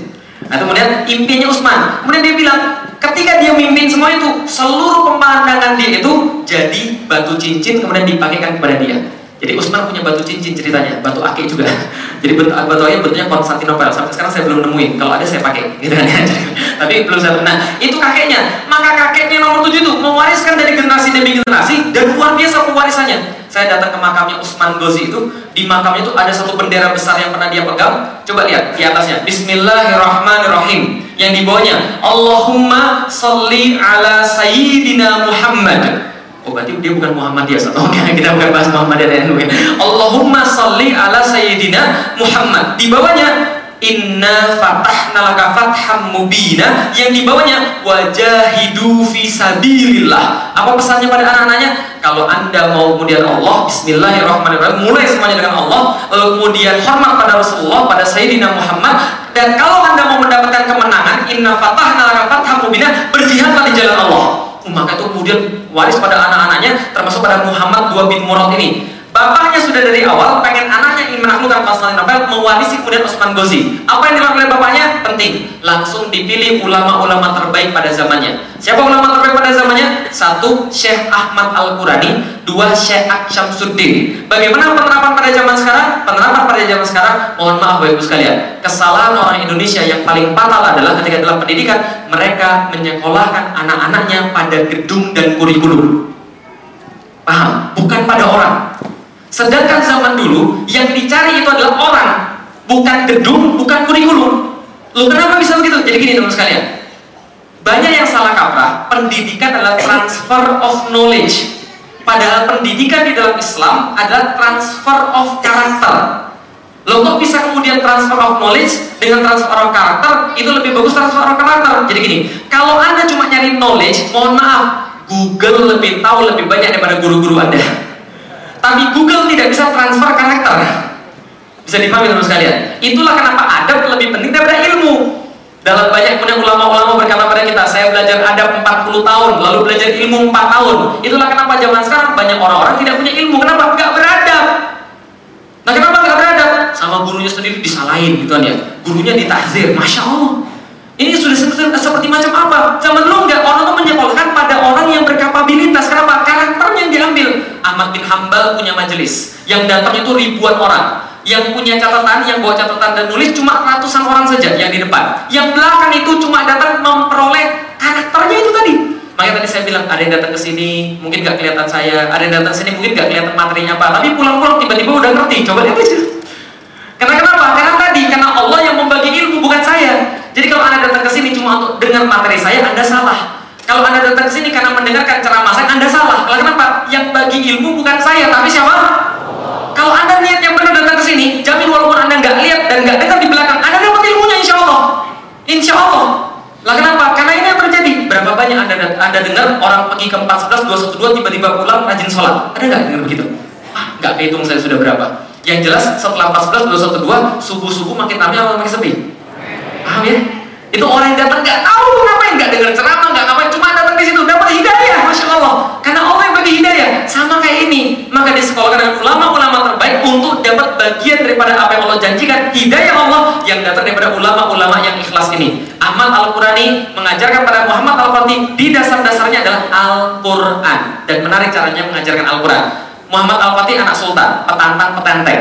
Umur sekitar lima tahun diajarkan oleh Ahmad Al-Qurani, masih petantang petenteng. Ahmad Al-Qurani datang pada Sultan Murad lalu kemudian bilang begini, "Sultan, boleh nggak saya mengajar anak ini sesuai dengan cara saya?" Lalu kemudian Sultan Murad berkata, "Silakan eh, silakan guru, guru ajarkan saja apa yang guru mau, apa yang Syekh mau." Langsung Syekhnya ngambil kayu, kemudian dipanggil, "Fatih sini." Enggak, bukan namanya Fatih. Muhammad sini. Muhammad sini. Datang Muhammadnya, dipukul pakai kayu, langsung patah kayunya anak ini mentalnya down gak berani macam-macam sama gurunya lagi. Setelah itu ngafalin Al-Quran 8 tahun ngafal Quran. Alhamdulillah 8 tahun dia ngafal Quran. Setelah dia gede menaklukkan Konstantinopel Al-Fatih bilang begini kalau bukan gara-gara pukulannya Syekh Ahmad Al-Quran mungkin gak jadi saya sekarang. Jadi pukulan guru yang ikhlas itu karomah. Jadi dipukul aja jadi penakluk Konstantinopel kan gitu ya apalagi diajarin ini paham menurut saya. Jadi kalau gurunya benar dipukul aja tuh karomah maka zaman dulu, ya Allah, zaman dulu tuh sama guru saya hormat banget, padahal saya belum ngerti Islam. Zaman sekarang, Masya Allah sama guru beraninya luar biasa. Nah, zaman dulu tuh dipukul, jadinya begini. Zaman sekarang dipukul, lapor Komnas HAM, paham teman sekalian itu adalah gurunya, karakter. Yang kedua, yang mengajari beliau namanya Syekh Aksyam Suddin. Aksyam Suddin tidak terlalu kemudian dalam Al-Quran, tapi dia jenius dalam ilmu-ilmu yang lain. Dia jenius dalam ilmu hadis, dia jenius dalam ilmu sejarah, dia jenius dalam ilmu herbal, dia jenius dalam ilmu fisika terapan, dan jenius dalam beberapa hal yang lain. Aksyam Suddin inilah yang membentuk mental seorang Muhammad Al-Fatih. Jadi gini ceritanya. Bagaimana caranya? Dia membentuknya lewat kisah ini pelajaran lagi. Jadi ibu-ibu kalau punya anak, siapa yang punya anak di bawah, sorry, siapa yang punya anak masih SD? Yang punya anak masih SD. Oke, camkan kata-kata saya, di rumah harus ada siroh nabawiyah. Selain siroh nabawiyah, tolong beli siroh para sahabat. Setelah siroh para sahabat, tolong beli siroh-siroh panglima-panglima besar Islam. Minimal ada di rumah, nggak dibaca nggak apa-apa. Innamal a'malu biniyah. Kalau sudah ada di rumah, tiba-tiba aja paham pokoknya.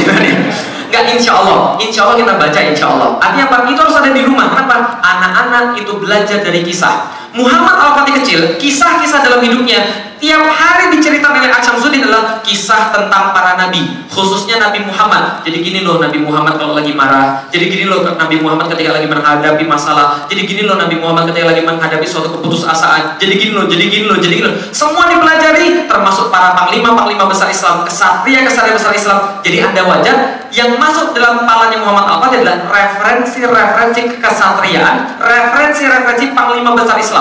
Gak ada referensi-referensi baper, paham dulu sekalian? Gak seperti zaman sekarang, cowok-cowok, cewek-cewek, baper semua. Nah, kenapa? Lihat tahu isi, nangis. Nah, kenapa? Tahu aja ada isinya. Kenapa hati hati masih kosong? Masya Baper. Zaman dulu enggak. Kenapa? Muhammad Al-Fatih umur 11 tahun teman-teman sekalian menulis puisi tentang jihad. Masya Allah. Salah satu baiknya adalah yang aku harapkan kepada Allah Subhanahu Wa Taala berjihad, berjihad, berjihad ribuan kali mendapatkan ridha Allah dan aku mati dalam keadaan demikian. Itu adalah puisi anak 11 tahun. Anak sebelas tahun zaman sekarang panggilannya papa, mama, ceritanya. SD udah panggilannya papi, mami. Kalau sudah masuk SMP itu panggilan sudah janda dan duda, baru sekalian. Masuk kuliah sudah almarhum dan almarhumah, baru sekalian. Ini zaman sekarang, masya Allah. Beda dengan Muhammad Al Fatih, dia kisah-kisahnya kisah-kisah hebat sehingga referensi, referensi, referensi hebat. Bayangkan kenapa orang Indonesia rusak? Karena kisahnya rusak. Apa kisah di Indonesia? Oke, ini kisah Indonesia. Teman-teman sekalian, binatang yang paling cerdas adalah binatang Kancil. Kenapa cerdas? Karena dia bisa mencuri timun. Coba lihat. Kisah pada anak-anak. Kancil mencuri timun. Maka dia cerdas. Tertanam. Oh, berarti mencuri itu cerdas. Maka banyak koruptor, maka banyak maling di Indonesia. Nah, kenapa? Karena ceritanya kancil mencuri timun. Setelah mencuri timun, tabrak tiang listrik. Paham menurut sekalian? Ya? Enggak, itu itu karangan saya. Gitu, ya. Saya nggak menyinggung siapa pun. kancil mencuri timun. Apalagi contohnya? Kisah di Indonesia cowok ngintip cewek mandi ternyata ceweknya bidadari pernah dengar kan? Oh iya benar ya. Ternyata ceweknya bidadari. Lalu dia ambil kemudian selendangnya bidadari nggak nggak bisa terbang ke langit. Ketika nggak bisa terbang ke langit, intinya adalah dia nikah sama bidadari. Pelajaran moralnya adik-adik sekalian, maling kawin sama paham sekalian. Makanya rusak. Ada lagi kancil kemudian lawan kura-kura, tanding lari. Yang menang siapa? Pura-pura. Muncul dari situ peribahasa bahasa Arab, sorry, peribahasa bahasa Jawa yang sangat terkenal. Alon-alon, waton, kelakon. Biar lambat asal selamat. Masalahnya orang Indonesia pikirannya pendek, cuma inginnya lambat, lambat, lambat, lambat aja. Selamatnya nggak paham misalnya. Nah, kenapa nggak cepat tapi selamat? Kenapa harus selamat tapi selamat? Ini masalahnya cerita-cerita tidak mendidik, tapi jarang sekali. Masya Allah, saya tuh kadang-kadang ya miris. Lah kenapa? Anak-anak saya saja, ketika kemudian keluar daripada kemudian ada outing gitu kan, outing pergi keluar, kita habiskan 300 ribu, 400 ribu, mereka pergi ke agrowisata, mereka pulang bawa apa? Bawa bayam, bawa kangkung, bawa ikan lele, bawa caping, terus ditanya pulangnya, kamu kenal siapa Abu Bakar? Gak tahu. Siapa Umar? Gak tahu. Siapa kemudian uh, Utsman bin Affan? Gak tahu. Siapa Ali bin Abu Thalib? Gak tahu. Yang kenal siapa? Ganteng-ganteng sering gila, paham teman sekalian? Wajar perilakunya seperti itu, karena yang dia tonton tadi bisa dipahami teman sekalian. Makanya referensi-referensi ini harus digalakkan karena ada penelitiannya. Penelitiannya begini, di Inggris itu satu anak TK, satu kelas anak TK dibagi dua. Satu diceritakan tentang kisah yang sangat masyhur di Inggris tentang kesatria melawan naga. Yang di sini juga diceritakan kesatria melawan naga. Jadi dipisah dua. Satu diceritakan kesatria melawan naga, sini satria melawan naga. Tapi ceritanya beda. Yang satu kesatria melawan naga, sudah patah pedang, patah tangan, patah kaki. Akhirnya dia berkata, kita tidak mungkin menang. Putri nggak bisa diselamatkan. Dia pulang. Putrinya kemudian dinikahi sama naga. Yang sebelumnya sudah patah tulang, patah tangan, patah kaki, patah pedang. Ternyata dia berusaha, dia biasa menaklukkan naga. Putrinya dia selamatkan, dia hidup bersama putri dengan bahagia selama-lamanya ternyata 20 tahun ke depan sudah uh, sudah diteliti yang ini nggak sabaran yang ini nggak tough yang ini cepat menyerah sementara ini nggak cepat menyerah. Bisa dipahami teman sekalian? Karena kita senantiasa bertindak karena referensi kita yang paling atas. Contoh kalau nggak percaya nih saya bisa baca pikiran anda. Percaya atau tidak? Percaya atau tidak? Nggak percaya? Kita tes. Gak usah dijawab gak usah dijawab. Tapi saya tahu sudah pasti jawabannya apa. Gak usah dijawab ya. Ya. Apa pun makanannya minumannya gak usah dijawab Kenapa bisa muncul di kepala Anda begitu? Kira-kira kenapa bisa muncul di kepala Anda begitu? Karena sudah masuk referensi terlalu banyak pada Anda begitu. Maka munculnya pasti itu. Coba bayangkan, anak-anak yang tidak tahu tentang kisah para nabi, kisah para sahabat, bagaimana mereka bertindak? Pasti pasti mereka kabur. Tapi mereka punya kemudian nyali dari mana? Karena mereka tahu kemudian kisah-kisah para sahabat. Contoh, dalam keadaan dibawa tekanan, dalam keadaan kemudian dibawa ancaman, apa yang dia lakukan? Mau kabur atau tetap jalan ke depan? Oh, Nabi Ibrahim pernah dibakar di atas api. Dia tidak takut. Kenapa? Karena api milik Allah diriku milik Allah. Kalau Allah mau aku mati gak usah pakai api aku bisa dimatiin Allah oleh Allah. Tapi kalau Allah belum pengen aku mati api tidak bisa menyengsarakan saya. Maka saya maju ke api gak ada masalah. Kalau benar mati Allah sudah siapin tempat terbaik untuk pengganti di dunia bagi saya. Kan begitu. Referensi berpikirnya bagaimana? Seperti apa? ini dijelaskan pada Muhammad Al-Fatih maka wajar anak ini 11 tahun bikin puisi tentang jihad umur 8 tahun, Aksyamsuddin setelah menceritakan setiap hari pada dia membawa Muhammad Al-Fatih di depan tembok Konstantin, sorry, di depan kemudian Ayah Sofia melihat Ayah Sofia dari kejauhan lalu bilang pada Muhammad kecil itu, Muhammad yang kamu lihat apa? Muhammad bilang, Konstantinopel guru. Apa itu Konstantinopel? Kota yang bakal kita taklukkan suatu hari nanti guru. Gurunya bilang, kamu tahu bapakku sudah pernah ke sana? Iya. Kalah atau menang? Guru, kalah bapak saya. Lalu gurunya cerita, bukan hanya bapakmu, kakekmu pernah ke sana, ingin menaklukkan Konstantinopel, kakekmu gagal. Buyutmu sudah pernah, buyutmu gagal. Sampai Sultan Osman Ghazi yang pertama itu tujuh turunan di atasmu itu pengen menaklukkan Konstantinopel, dia tidak bahkan berhasil sama sekali melihat Konstantinopel kayak apa. Dan saya berharap pada Allah Subhanahu Wa Taala, senantiasa saya berdoa tiap hari pada Allah Subhanahu Wa Taala bahwa Allah dan Rasulnya mengatakan bahwa ada satu penakluk yang akan dijanjikan di situ dan saya berharap penakluk yang dimaksud oleh Rasulullah ada di depan saya. Ananda, engkau yang kelak dimaksud dalam hadis untuk menaklukkan kota Konstantinopel. Maka Muhammad kecil ini langsung yakin dari situ bahwa dialah yang dimaksud dalam hadis Rasulullah la tuftahal Konstantinia fala ni'mal amiru amiruha bahwa dia yang dimaksud dalam hadis Rasulullah yang menaklukkan Konstantinopel dan efeknya ngeri Ibu sekalian. Coba lihat orang yang punya cita-cita besar, efeknya ngeri. Apa efeknya? Lihat efeknya. Ketika dia sudah yakin bahwa dia pernah melakukan Konstantinopel, dia menguasai 8 bahasa ketika berumur 16 tahun. Dan dia menjadi sultan pada umur 12 tahun. Ini adalah efek ketika dia sudah yakin. Dan tidaknya itu semenjak balik hingga meninggal dia tidak pernah meninggalkan sekalipun salat rawatib dan salat tahajud. Lah kenapa? Dia punya permintaan sama Allah. Apa permintaannya? Pengen jadi penakluk Konstantinopel dan dia ingat hadis Rasulullah la tuftahanul Konstantinia akan ditaklukkan kota Konstantinopel dan sebaik-baik penakluk adalah penakluknya kalau penakluk terbaik berarti paling dekat dengan Allah kalau paling dekat dengan Allah harus dengan sunnah-sunnah nawafil nggak boleh amal-amal biasa saja maka gunakan amal-amal yang lain tambahkan, tambahkan, tambahkan lah kenapa? karena dia punya cita-cita besar. Salahnya orang Indonesia, nazarnya tidak model begini. Nazarnya orang Indonesia ngancem. Tahu nazar? Bagaimana nazarnya orang Indonesia modelnya? Ya Allah kalau ini maka begini kan gitu kan ya? Ya Allah kalau aku masuk kerja, aku akan sedekah 10 juta. Ya Allah kalau aku dapat jadian sama dia, ya Allah jadian. Nanti aku insya Allah akan puasa tiga hari berturut-turut. Gitu kan ya? Itu nazarnya. Itu ngancem atau nazar?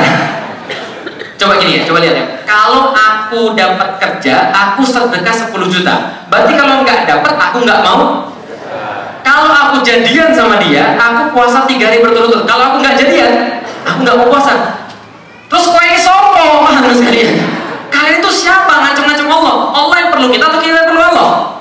Kita yang perlu Allah nazar di dalam Islam iya karena abu dua iya karena stain kita beribadah dulu pada Allah baru kita minta ya Allah masa sih aku sudah begini aku nggak dikasih ya Allah? Ini aku udah ibadah ya Allah minta dong ya Allah. Nah, itu nazar. Iya karena abu dua iya karena stain maka Muhammad Al-Fatih tidak pernah meninggalkan salat rawatib tidak pernah meninggalkan salat tahajud karena dia punya permintaan pada Allah ya Allah pernah luka Konstantinopel ya Allah ya Allah pernah luka Konstantinopel ya Allah dan gak hanya dia berdoa gak hanya dia beribadah dia bentuk pasukan terbaik sebagaimana yang diperlukan oleh Rasulullah dalam hadisnya akan ditaklukkan Konstantinopel oleh panglima terbaik dan oleh pasukan yang terbaik. Apa pasukannya? Namanya The Royal Janissaries. Dalam bahasa Arab Inkisaria, dalam bahasa Turki Yeni Seri. Yeni Seri pasukan baru. Berapa pasukan yang dia kumpulkan? 7000 pasukan dia kumpulkan dari awal dikelompokkan dalam barak-barak pelatihan. Di barak-barak pelatihan satu barak ada satu syekh di sana. Tugasnya apa? Bacaan Al-Quran, bacaan hadis, menaikkan semangat para orang-orang yang ada di situ, pemuda-pemuda, dan mengajarkan agama Islam, masya Allah. Dan dikatakan di situ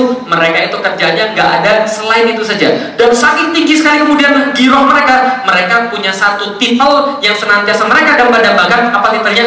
Ghazi jadi mereka nggak perlu yang lain. Kami cuma mau dipanggil Ghazi. Apa itu Ghazi? Pejuang-pejuang Allah. Jadi aib bagi mereka beda dengan aib bagi kita. Kalau aib bagi kita, ibu-ibu dan bapak-bapak, anaknya nggak naik kelas itu aib. Aib bagi ibu-ibu zaman mereka adalah anaknya ketinggalan perang. Itu aib. Diomongin sekampung bang sekali. Anakmu nggak perang ya? Nggak perang. Masya Allah. Kok bisa sih ya? Jadi gitu. Zaman sekarang itu ada nggak naik kelas diomongin. Dan zaman dulu nggak ikut perang. Jadi aib dong sekalian punya anak laki-laki gak ikut perang? Karena yang paling tinggi itu adalah tadi. Mereka berjuang di jalan Allah Subhanahu Wa Taala. Seorang pengembara dari dari Prancis kemudian mengatakan, ketika mereka masuk ke dalam uh, ke, ke dalam kekuasaan Utsmani, mereka mengatakan begini, pantas Utsmani menguasai dunia, pantas Islam menguasai dunia, karena mereka punya pasukan yang sangat terapi, yang 100 ribu mereka dibanding 100 orang kita bergerak mereka lebih cepat dan lebih senyap, sedangkan kita banyak nyumpah dan mereka nggak mau taat pada pemimpinnya. Dan mereka ini kalau pergi perang, katanya orang dari Prancis ini pergi perang kayak pergi kondangan, paham belum sekalian? Kalau pergi kondangan dulu atau belakangan? Kalau belakangan makanannya habis. Mereka juga sama, kayak pergi kondangan. Nah pasukan sudah selesai, lalu kemudian dia bangun satu benteng namanya benteng Rumeli Hisar. Apa itu benteng Rumeli Hisar? Oke balik lagi ke peta. Ini ini ini selat apa nih? Selat apa ini tadi? Konstantinopel di mana? Di bawah nih. Bentuknya kayak apa tadi? Segitiga. Nah, lihat ya, ini bentuk Konstantinopel. Al-Fatih bilang begini, kalau kita serius pengen menaklukkan Konstantinopel, maka selat Bosporus harus kita tutup dan kita kuasai. Karena kalau ini tidak kita kuasai, maka bala bantuan datang dari sini, bala tentara akan datang dari sini, dan kita tidak akan bisa untuk tenang menaklukkan Konstantinopel. Itu yang tidak diperbuat oleh sultan-sultan sebelum saya. Maka kita buat ini kita tutup dulu. Dengan cara apa? Mudah, kata Muhammad Al-Fatih. Dulu buyut saya, Biyazid pertama, dalam usahanya menaklukkan kota ini, bangun benteng di sini. Namanya Anadolu Hisar Anadolu artinya Anatolia, wilayah Asia kecil. Hisar artinya benteng. Berarti benteng Anadolu, benteng yang terletak di wilayah Asia. Maka Al-Fatih mengajukan kita harus bangun benteng tepat di depannya namanya Rumeli Hisar. Supaya kita bangun benteng kita di wilayah Romawi untuk menahan kemudian semua kapal-kapal yang bisa masuk jadi berhadap-hadapan. Rencana pembangunan benteng diketahui oleh Kaisar Konstantinopel lalu menyurati Muhammad Al-Fatih. Suratnya begini, "Woi, kamu ini anak siapa? Kamu ini kurang ajar. Lah kenapa? Kamu sudah bikin benteng di tanah orang, tidak pakai izin pula. Saya kasih tahu sultan-sultan sebelum kamu, ketika mereka bangun benteng di tanahnya sendiri, mereka minta izin kepada kami sebagaimana seorang anak minta izin pada bapaknya. Engkau sudah bangun benteng di tanah orang tidak pakai izin pula. Maka Al-Fatih tulis surat balik. Saya kasih tahu kepada engkau wilayah yang adalah Konstantinopel yang engkau lindungi dengan pagar-pagarmu dan tembok-tembokmu. Selain itu bukan wilayah siapa pun. Kalau aku ingin bangun benteng di sana itu urusanku dan bukan urusanmu. Dan kalau engkau berbicara tentang sultan-sultan sebelum aku, ketahui sultan yang sekarang berbeda dengan sultan yang kemarin dan kalau mereka melakukan sesuatu tidak bisa akan bisa saya lakukan. Yang bisa yang tidak bisa mereka selesaikan akan saya selesaikan dalam waktu singkat. Kalau kamu berani kirim lagi ke sini untuk orang menghalangi rencana saya saya jamin mereka tidak akan pulang dalam keadaan hidup. Masya Allah, gak ada yang berani lagi, diancam. Akhirnya dia eh, dibangun. Kemudian ini adalah blueprintnya teman-teman sekalian. Ini kapal-kapal yang lewat tadi Bosforus ini adalah benteng kakeknya Biazid, benteng buyutnya Biazid, ini bentengnya dia. Kenyataannya kayak apa? Ini aslinya, namanya Anadolu Hisar. Anadolu Hisa. Tingginya 25 meter. Ini mobil bila dibandingkan dengan bentengnya. Luas? Luas bentengnya? Luas. Jadi kira-kira kalau anda ke situ masuk di sini mau ke WC harus naik angkot dulu. Nggak kira-kira luas. Bentengnya Muhammad Al Fatih lebih luas atau lebih kecil? Ini bentengnya Muhammad Al Fatih namanya Rumel Hisa. Rumel Hisa 30 ribu meter persegi. Dan semua bangunan-bangunan sebesar ini selesai dalam waktu berapa lama? 4 bulan dengan 5000 pekerja. Cepat atau lambat? Cepat atau lambat? Dan nggak pernah runtuh, paham dulu sekalian? Saya pas ke sana, pertama kali saya pergi ke sini, itu saya naik salah naik angkot teman sekalian. Jadi salah serius, karena yang di atas itu jurusannya Rumeli Hisari Ustu, yang di bawah Rumeli Hisari saja. Nah saya salah naik angkot, nyampe nya ke atas sama istri saya. Langsung saya bilang, waduh salah uh, salah nyampe gak apa-apa, kita turun aja. Kau nggak aman jadi kita turun? Ya Allah ya Rob, itu tingginya 65, 60 meter pak. Itu turun ke bawah, kaki kayaknya mau patah itu. Lutut itu kayak mau patah. Saya bayangin, itu ngangkat batu-batu segede itu nih. Ini lihat nih, ini citadel satu ini, ini citadel satu ini, sama citadel yang satu ini. Ini kan tinggi sekali. Loh kok bisa kemudian bisa ngangkat seperti itu? Selesai dalam waktu berapa lama? Empat bulan. Orang serius kerjanya cepat. Orang serius kerjanya cepat. Selesai ini semua nggak cukup itu. Tahu nggak ini bentuknya kayak apa? Mim, ha, mim, dan. Nanti cari di internet, ketik Rumeli Hisari dari atas Muhammad. Oke, kalau gitu kita lihat. Nah, setelah semua selesai terjadi, masih ada masalah. Anak muda pasti punya masalah. Nah, ini masalah anak muda. Tembok Konstantinopel. Dibangun pada tahun 300, gak pernah hancur sampai tahun 1400-an. Lah kenapa gak pernah hancur? Tingginya 18 meter, bro. Dan kalau ada artis, kira-kira artisnya kayak begini. Nah, ini artis. Gak hanya 18 meter, tiga lapis. Tiga lapis. Lapis pertama, parit. Lebarnya 20 meter, dalamnya 10 meter. Anda naik kuda, mohon maaf, kuda harus tinggal di sini. Anda nggak bisa berenang pakai kuda, mohon maaf. Kalau Anda taruhlah kuda tinggal di sini, Anda berenang di sini, dipanah dari sini. Tapi taruhlah aki Anda kuat, gitu kan ya, batu aki Anda kuat, tebel. Manjat, kemudian berantem di sini, berhasil membunuh penjaganya, akan dipanah lagi dari sini. Ini tingginya sekitar 5 meter, tebalnya sekitar 3 meter. Lempar batu, lempar minyak, dibakar di bawah hidup-hidup. Taruhlah Anda masih kuat lagi, manjat ini lompat menaklukkan orang di sini, lalu ke sini, berantem lagi sama di sini, lempar batu lagi, lempar api lagi, bakar hidup-hidup. Tingginya sekitar 8 meter uh, sampai 12 meter, tebalnya sekitar 5 meter. Kalau nanya jadi Muhammad Al-Fatih, gimana caranya bisa biar, biar bisa masuk ke dalam? Ada usul? Gimana caranya? Pakai pesawat, belum ada pesawat. Pakai meriam, nggak ada satu pun meriam yang bisa nembak 3 meter sampai 5 meter tebalnya, nggak ada. Gimana caranya? Oh, lewat bawah. Oh, gali tanah, bagus. Itu orang Serbia sudah pernah coba. Lewat bawah, lalu kemudian mereka berharap bisa sampai di sini. Tapi orang Konstantinopel lebih pintar. Karena? Di sini mereka pasang setiap satu setengah meter sekali itu ember diisi air. Maka ketika ada orang gali di bawah, itu embernya bergerak. Teret, teret, teret. Airnya, mereka lihat ini deteksinya ke mana arahnya, dibuat lubang counter attack, lalu diserempar, dibakar di bawah hidup-hidup. Bukan usul yang bagus. Terus gimana lagi caranya? Ya udah Ustaz, kalau gitu kita istighos saja Ustaz. Lebih gak menang lagi lah sekali. Al-Fatih bilang gini, kalau saya coba cara yang sudah pernah dicoba orang, maka saya gak akan pernah menang. Maka saya harus coba cara yang tidak pernah dicoba oleh orang lain. Gimana caranya? Saya nggak tahu. Dia berdoa terus pada Allah, ujung dicinta, ulang tiba. Suatu hari ada seorang seniman senjata, namanya Orban, datang dari Hungaria, kebangsanya Hungaria, agamanya agama Kristen. Kemudian dia datang pada Kaisar Konstantinopel karena kesamaan agama, lalu dia bilang pada Kaisar, bos, gue punya senjata baru bos, mau bikin atau tidak? Kaisar lihat, bagus juga senjata lo. Berapa bikinnya? Oh bikinnya segini bos. Tapi kami lagi gak punya duit. Ekonomi lagi susah. sekarang kita lagi di kemudian lagi di uh, lagi di apa namanya lagi di blok di daerah Bosporus kita nggak bisa naik ke atas nggak bisa ke bawah susah nanti gini aja setahun kamu tinggal di sini kalau nanti sudah jadi kemudian kami punya uang kami sudah punya uang kami buat senjatamu dan kamu jangan pergi ke mana-mana namanya tukang senjata kan nggak punya ideologi maka kemudian dia cari yang punya duit datang pada Muhammad Al Fatih lalu bilang ini bos gue punya senjata baru bos mau bikin nggak sekretaris Muhammad Al Fatih langsung menulis dalam buku catatannya ngomong begini Muhammad Al Fatih langsung ngomong begini Bisakah engkau membuat sebuah senjata yang bisa melontarkan proyektil sebesar ini? Pakai tangannya, proyektil sebesar ini. Karena Al-Fatih kan ahli fisika terapan. Fisika terapan itu ngitung I sama dengan M kali A, impact sama dengan massa kali akselerasi. Orban, ahli fisika juga, ngitung dalam kepala. Kalau ada senjata yang bisa melontarkan proyektil sebesar ini, berarti itu tembok bakal hancur. Dia menjawab dengan sangat hati-hati, dengan sangat curiga. Apakah Anda bermaksud ingin menaklukkan tembok Konstantinopel? Al-Fatih jawab, kalau iya kenapa? Jawaban Orban, kalau iya, kebetulan. Saya sudah tinggal di sana selama satu tahun.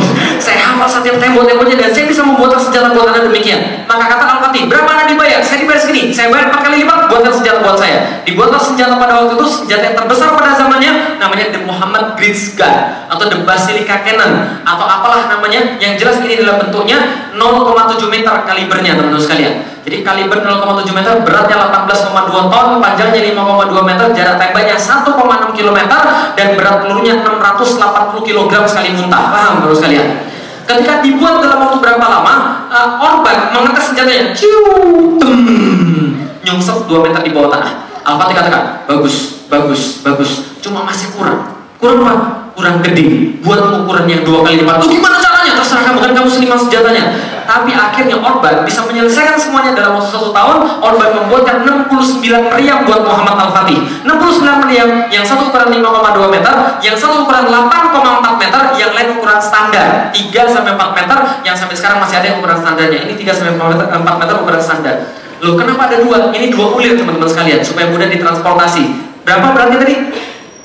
16,8 ton Nah, maka dibagi dua, satu ruang untuk untuk mesiunya, satu ruang untuk selongsong pelurunya. Nah, ini bisa diulir masuk teman-teman sekalian. Nah, ini kemudian sudah dibuat seperti ini 3 sampai 4 meter sampai sekarang masih ada. Di mana? Museum Port Nelson Fort uh, sorry, Fort Nelson, Portsmouth, Inggris. Kok ada di sana? Diminta sama Ratu Elizabeth. Ratu Elizabeth bilang, ini adalah meriam yang paling berarti dalam sejarah. Minta dong, minta dong, minta dong. Ya karena kita baik kita kasih. Ya paham ya? Nanti kalau dia sudah bosan kita minta balik lagi ya. Oke. Ini kalau ada artis kira-kira artisnya kayak begini. Pada artis terus Ustaz itu pesan sponsor paham sekalian. Oke baik, sebentar.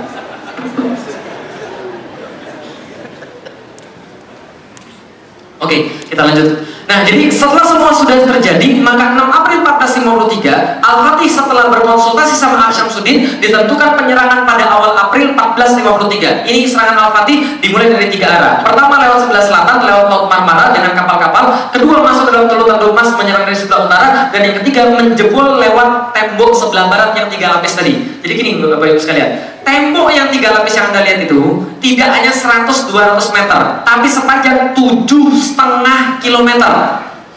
Tahu dari mana tujuh setengah kilometer? Buka Google Maps, paham saya.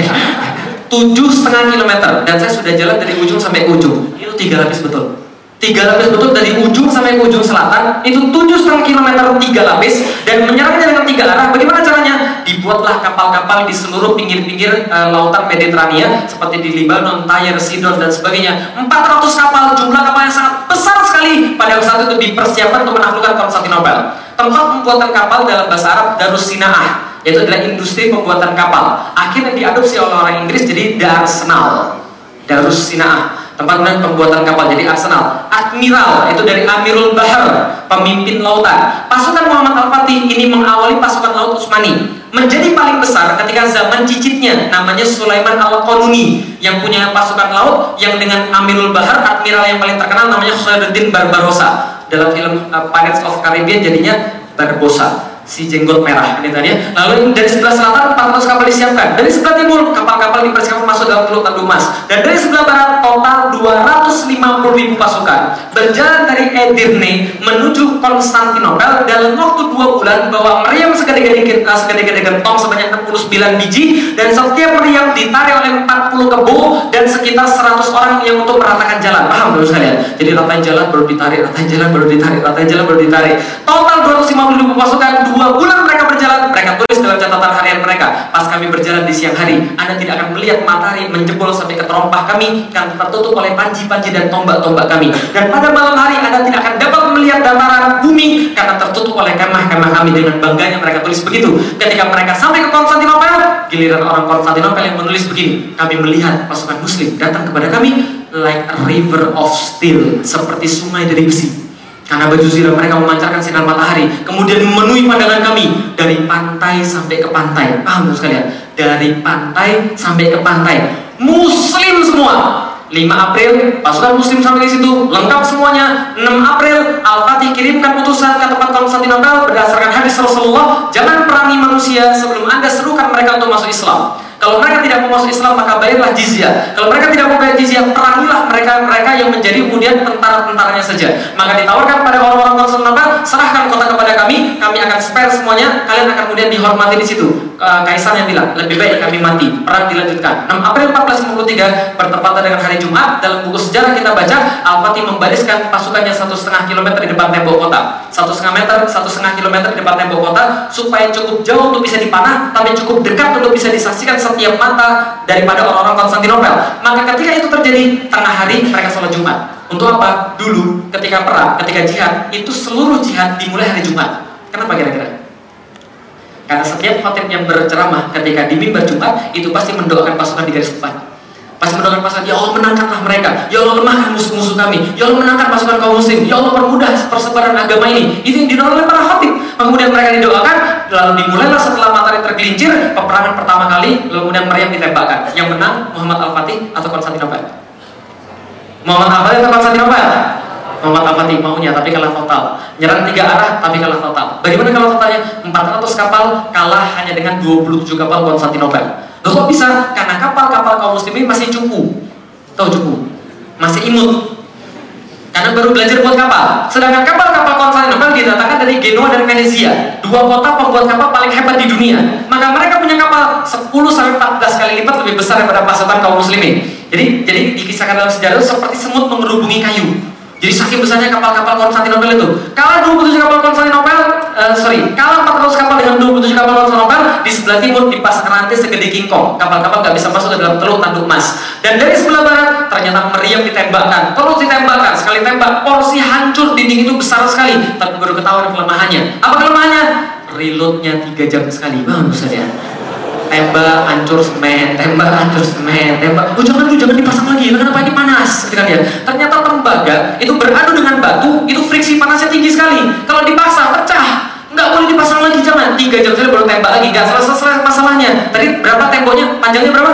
Tujuh setengah kilometer. Meriamnya berapa 69 uh, biji meriam berarti 100 meter satu meriam bisa dibayangkan itu nggak hancur-hancur temboknya mereka nyerang 6 April 1453 dua minggu setelahnya tidak terlihat kemenangan sedikit pun yang mereka persiapkan hancur lebur di bawah keangkuhan tembok Konstantinopel lalu muncullah suara-suara sumbang tahu suara-suara sumbang? siapa yang pernah naik gunung? siapa yang pernah naik gunung? oh nggak ada anak gunung di sini anak hutan banyak? Ah, orang hutan siapa yang pernah naik gunung? Uh, pertanyaan saya sederhana, kalau yang pernah naik gunung, kapan waktu-waktu yang paling nyebelin sebelum nyampe ke puncak? Pas pas mau naik di tengah-tengah atau pas sudah mau nyampe? Kapan waktu-waktu banyak orang nyerah? Setelah pas kita mau nyampe, pas ujungnya sudah kelihatan itu pasti banyak yang mau nyerah. Pengalaman saya begitu, udah kelihatan ujungnya, tiba-tiba di bawah saya, Ustaz, sudah dulu Ustaz, ini pala saya pusing kayaknya udah mau pingsan. saya bilang sama dia, kalau antum nggak mau ngelanjutin, saya bunuh antum sekarang, saya bunuh diri, biar kita mati sama-sama di sini. Lalu kenapa? Karena saya nggak mungkin ngangkat badanmu kalau kamu pingsan di sini. karena pasti banyak orang pengen jalan di situ. Sudah pusing, sudah karena karena orang-orang mentalnya Irak itu ketika justru mau menang. Bisa dibayangkan sekali. Muncul suara-suara sumbang. Apa suara-suara sumbang? Pulang aja yuk. Eh ini nggak bakal bisa menang ini temponya terlalu kuat ini. Ini gara-gara Muhammad Al-Fatih. Apalah arti kota ini? Gara-gara ambisius anak-anak ini. Anak-anak 21 tahun ambisius menaklukkan Konstantinopel. Macam apa ini? Banyak pasukan kita yang gugur. Mereka banyak-banyak siap pasukan gugur. Makin banyak epidemi. Logistik semakin dikit. Banyak suara-suara sumbang. Al-Fatih tahu ini yang paling berbahaya dalam perang. Moral pasukan yang turun. Kumpulkan seluruh panglima-panglima perang. Lalu bilang pada mereka, silakan kalian semua usulkan pada saya. Kita lanjut perang atau kita pulang. Gak ada yang berani ngomong ibu sekalian. Lalu apa? Ini anak 21 tahun temperamental. Salah ngomong kena hukum. yang berani ngomong cuma satu orang. Penasehat dari zaman bapaknya, tua banget sudah. Namanya Halil Pasar. Halil Pasar bilang, Muhammad kecil, saya ini sudah jadi penasihat dari zaman bapakmu, betul? Iya. Saya ini menyaksikan engkau ini dari kecil tumbuh menjadi seorang yang sangat luar biasa. Dari yang nggak punya apa-apa menjadi panglima paling hebat. Ke belakang orang ini ternyata diketahui sudah disuap oleh orang Konstantinopel. Nah, lalu kemudian dia bilang, saya menyaksikan engkau menjadi panglima besar yang sangat luar biasa kuat, sangat luar biasa hebat, dan engkau yang bisa memimpin pasukan untuk penaklukan Konstantinopel. Tapi dari kemarin saya lihat kamu itu kok keras kepala luar biasa. Kalau begini yang terjadi, kamu membuat jalan anak-anakmu ini pasukan menuju kehancuran semuanya. Kita tidak akan pasukan yang tersisa, tidak ada pasukan tersisa. Sebelum selesai ngomong, pulang saja kita. Sebelum selesai ngomong dia, meja dibanting. Jual! Seorang mualaf namanya Zagaros Pasa. Zagaros Pasa bilang ini, jangan dengarkan kata-kata dia. Dia hendak memadamkan semangat dari dalam diri kita. Sesungguhnya saya ingatkan pada semua anda datang di sini, anda datang ke sini bukan untuk kembali, tapi untuk meraih di antara dua kemuliaan, hidup mulia atau mati syahid. Dan saya tidak mau kita semua melawan batu-batu ini, kita kemudian mundur dan kemudian kita uh, lari dari batu-batu ini. Kita kasih tahu bahwa yang harus kita lakukan adalah tingkatkan tekanan pada mereka, tingkatkan serangan pada mereka. Allah bersama kita. Maju terus atau pulang? Lanjut perang atau pulang? Kalau gitu kita lanjut juga, baik sekalian. Oke, masalahnya masih ada. Masalahnya di mana? Di sini nggak bisa, di sini nggak bisa, di sini nggak bisa. Terus gimana caranya? Lalu kemudian mereka bilang gini, gini pak caranya pak. Karena kalau semuanya nggak bisa, ada satu cara yang sangat berhasil kalau kita mau gunakan. Tapi ini agak susah. Di sini kan ada teluk nih. Kenapa di sini pasukannya semua bisa bertahan di sebelah barat? Karena tembok-tembok itu setiap rusak bisa direparasi karena setiap pasukan-pasukan dikumpulin semua di sebelah barat. Semua pasukan di situ. Jadi tembok-tembok rusak langsung reparasi. Tapi kalau kita bisa masuk ke Teluk Tanduk Mas, kita serang mereka di sebelah utara, pasukan bertahan di sini akan terpecah menjadi dua. Maka mereka tidak akan bisa memperbaiki tembok seperti kecepatan semula. Maka tembok di tengah bisa kita jebol, kita bisa masuk dari situ. Betul? Tapi masalahnya apa tadi? Ada rantai segede kingkong, terus gimana? Potong rantainya. Saya saya lihat asli rantainya segede-gede gini, Pak. Jadi biji-biji rantainya tuh e, besi asli segede-gede begini, nggak mungkin bisa dipotong.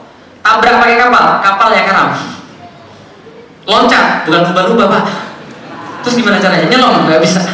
Terus gimana caranya? Potong, nggak bisa sudah dicoba. Tembak pakai meriam cuma nggak bisa. Terus gimana caranya? Al-Fatih bilang, ketika pasukan dia begini, nggak mungkin, nggak ada cara lain. Kayaknya betul pulang tadi yang benar kata dia tadi. Allah bilang gini, tenang jangan menyerah. Setiap masalah Allah pasti kasih solusinya. Dan saya sudah mikirin ini dari semalam. Oh, rupanya Sultan sudah mikirin. Sudah. Dan saya sudah punya solusinya. Sudah punya solusinya Sultan? Sudah. Bagaimana caranya? Gampang. Kita kan punya kapal. Kapal kita ini kita parkirkan dulu di Galata. Setelah kapalnya kita parkirkan di Galata, kapalnya kita angkat. Lalu kita kembalikan lagi. Sekarang kapal kita sudah di Teluk Tanduk Mas dan kita bisa menyerang mereka. Pasukannya lihat begini. Iya juga ya. Kenapa saya nggak kepikiran ya? Tapi mohon maaf wahai Sultan, apakah Sultan lupa kalau Galah itu adalah sebuah bukit? Al-Fatih katakan, iya saya tahu. Itu adalah sebuah bukit dan saya sudah tahu tingginya 65 meter. Tapi kalau Anda tidak sangka bahwa Anda akan melabuhkan kapal-kapal Anda melalui bukit-bukit itu, sebegitu pula orang-orang Konstantinopel tidak pernah menyangka itu terjadi. Dan saya kasih tahu Anda, setiap perang Rasulullah Shallallahu Alaihi Wasallam tidak pernah memakai strategi yang sama. Coba lihat sama sekali, gak ada yang sama sama sekali. Semuanya adalah elemen surprise, strategi kejutan dari Rasulullah. Maka ini strategi kejutan yang bisa kita buat. Gak mungkin. Maka Al-Fatih mengucapkan salah satu quotes yang sangat-sangat terkenal sampai dengan sekarang. Al-Fatih bilang ini, jangan bilang pada saya gak mungkin kalau anda belum pernah coba. Kalau anda sudah coba mati, nah itu baru gak mungkin. Ah, bagus sekali. Dikatakan begitu, disepakati 21 April 1453 kapal-kapal akan diseberangkan melalui Bukit Galata. 22 April 1453 yang terjadi adalah keajaiban strategi perang. 72 kapal pindah dari Selat Bosporus pada Teluk Tanduk dalam waktu satu malam. Berapa kapal? 72 kapal dalam waktu berapa lama? Satu malam 22 April 1453 itu orang-orang Konstantinopel terbangun karena pakai takbir di atas Bukit Galata. Mereka lagi di tunggang langgang naik ke atas Bukit Galata. Lalu kemudian mereka lihat sorry naik ke atas kemudian tembok-tembok. Mereka mereka lihat ke atas Bukit Galata. Yang mereka saksikan horor. Kenapa? Kapal-kapal itu berbaris satu demi satu masuk dalam wilayah mereka. Yang selama ini mereka kira paling aman berubah menjadi tempat yang paling berbahaya bagi mereka. Ketika mereka lihat ke atasnya bendera la ilaha illallah Muhammad Rasulullah berkibar dengan sangat meganya. Dan mereka katakan Konstantinopel sudah selesai. Kita pasti kalah. Muhammad Al-Fatih lebih hebat daripada Iskandar Agung. Karena Iskandar Agung melakukan kapal-kapal yang lewat ombak-ombak. Al-Fatih menjadikan bukit-bukit sebagai pengganti ombak-ombak. Maka mereka katakan Konstantinopel sudah selesai. Tapi peperangan tetap dilanjutkan. Terus menerus sampai pada tanggal 27 Mei 1453 27 Mei 1453 Al-Fatih berhasil membuat satu lubang yang sangat besar di tembok Konstantinopel yang nggak mungkin bisa direparasi lagi. Maka Al-Fatih katakan 27 Mei 1453 berhenti berperang. Berhenti berperang semuanya. Dua hari dari sekarang kita melakukan serangan yang terakhir kalau kita kalah, lebih baik kita mati di dalam timbunan batu-batu ini. Tapi kalau kita menang, kota milik kita. Dan saya kasih tahu pada anda semua, lebih baik saya tidak menguasai apa pun daripada saya tidak menguasai kota ini. Saya inginkan kota ini, saya inginkan menguasai Konstantinopel. Maka pasukannya dibilang, besok gak usah berperang, besok pada tanggal 28 semuanya berpuasa sunnah. Maka, maka pada tanggal 28 semuanya berpuasa sunnah istighfar pada Allah, meminta ampun pada Allah, berdoa pada Allah. Mereka menyiapkan kemudian eh, tentara-tentara mereka, seluruh perbekalan-perbekalan mereka. Ulama-ulama turun mengingatkan pada para tentara-tentara tentang kemuliaan jihad fisabilillah, tentang Konstantinopel, betapa Abu Ayyub Al-Ansari yang rumahnya jauh-jauh didatangi oleh Rasulullah, ternyata matinya pengen di sana. Bukankah kalian menginginkan kemuliaan yang sama? Maka semua mulai dinasihati jam 1 dini hari pada tanggal 29 Mei 1453 Al-Fatih memimpin tahajud. Setelah memimpin tahajud, jam 2 Al-Fatih memberikan sebuah khutbah terakhir yang khutbahnya sampai sekarang masih kita ketahui. Naik di atas kudanya dengan kemudian lantangnya beliau berkhutbah, ini adalah khutbahnya. Jika penaklukkan kota Konstantinopel sukses, maka sabda Rasul telah menjadi kenyataan. Dan salah satu mujizatnya telah akan terbukti, yaitu yang menjadi kemuliaan dan penghargaan bagi kita. Untuk itu sampaikan pada pasukan satu persatu kemuliaan dan kemenangan besar yang kita capai akan menambah kemuliaan dan ketinggian Islam. Oleh karena itu sampaikan pada pasukan satu persatu jadikan syariat Islam selalu di depan mata dia dan jangan sampai ada yang di antara mereka bermaksiat pada Allah. Catat baik-baik sekalian. Dalam perjalanan menuju kemenangan, partai final jangan maksiat. Karena kalau sedikit pun kita bermaksiat, Allah tunda kemenangan itu. Allah tunda pertolongan kita. Jangan maksiat. Kata-kata siapa? Abu Bakar As-Siddiq. Kalau kita dimenangkan oleh Allah, maka itu karena keimanan kita. Kalau kita dikalahkan oleh Allah, karena persiapan mereka dan karena kita bermaksiat kepada Allah. Bisa difahami Bu sekalian. Jangan maksiat kepada Allah. Jaga syariat selalu di depan mata dia. Jangan ganggu para pendeta. Jangan ganggu anak-anak. Jangan ganggu perempuan. Jangan membumi hanguskan. Jangan potong pohon. Jangan melakukan hal-hal yang maksiat pada Allah. Semua jaga. Maka jam 2 di, uh, dikabarkan ada tiga serat, ada ada tiga pasukan dengan strategi Muhammad Al-Fatih. Pasukan pertama pasukan jomblo, Ibu sekalian. Namanya dalam bahasa Arab pasukan azab Paham? Oh, ngapain ada jomblo di situ? Karena jomblo pada zaman dulu mereka sangat gagah perkasa, tidak seperti jomblo pada zaman sekarang, Bu sekalian. Jomblo pada zaman dulu mereka ditempatkan menjadi pasukan paling depan untuk menghabiskan tenaga musuh dan siap mati duluan, paham Bu sekalian? Mungkin mikirnya begini, daripada hidup saya selalu dihina-hina orang terus, jadi bisa semakin sulit hari ke hari. Lebih baik saya mati perang saja lah, jadi kan begitu. Jadi kalau nanti Usmani kemudian sorry, nanti kalau Islam sudah tegak lagi, nanti yang jomblo-jomblo itu pasukan paling depan, paham sekalian?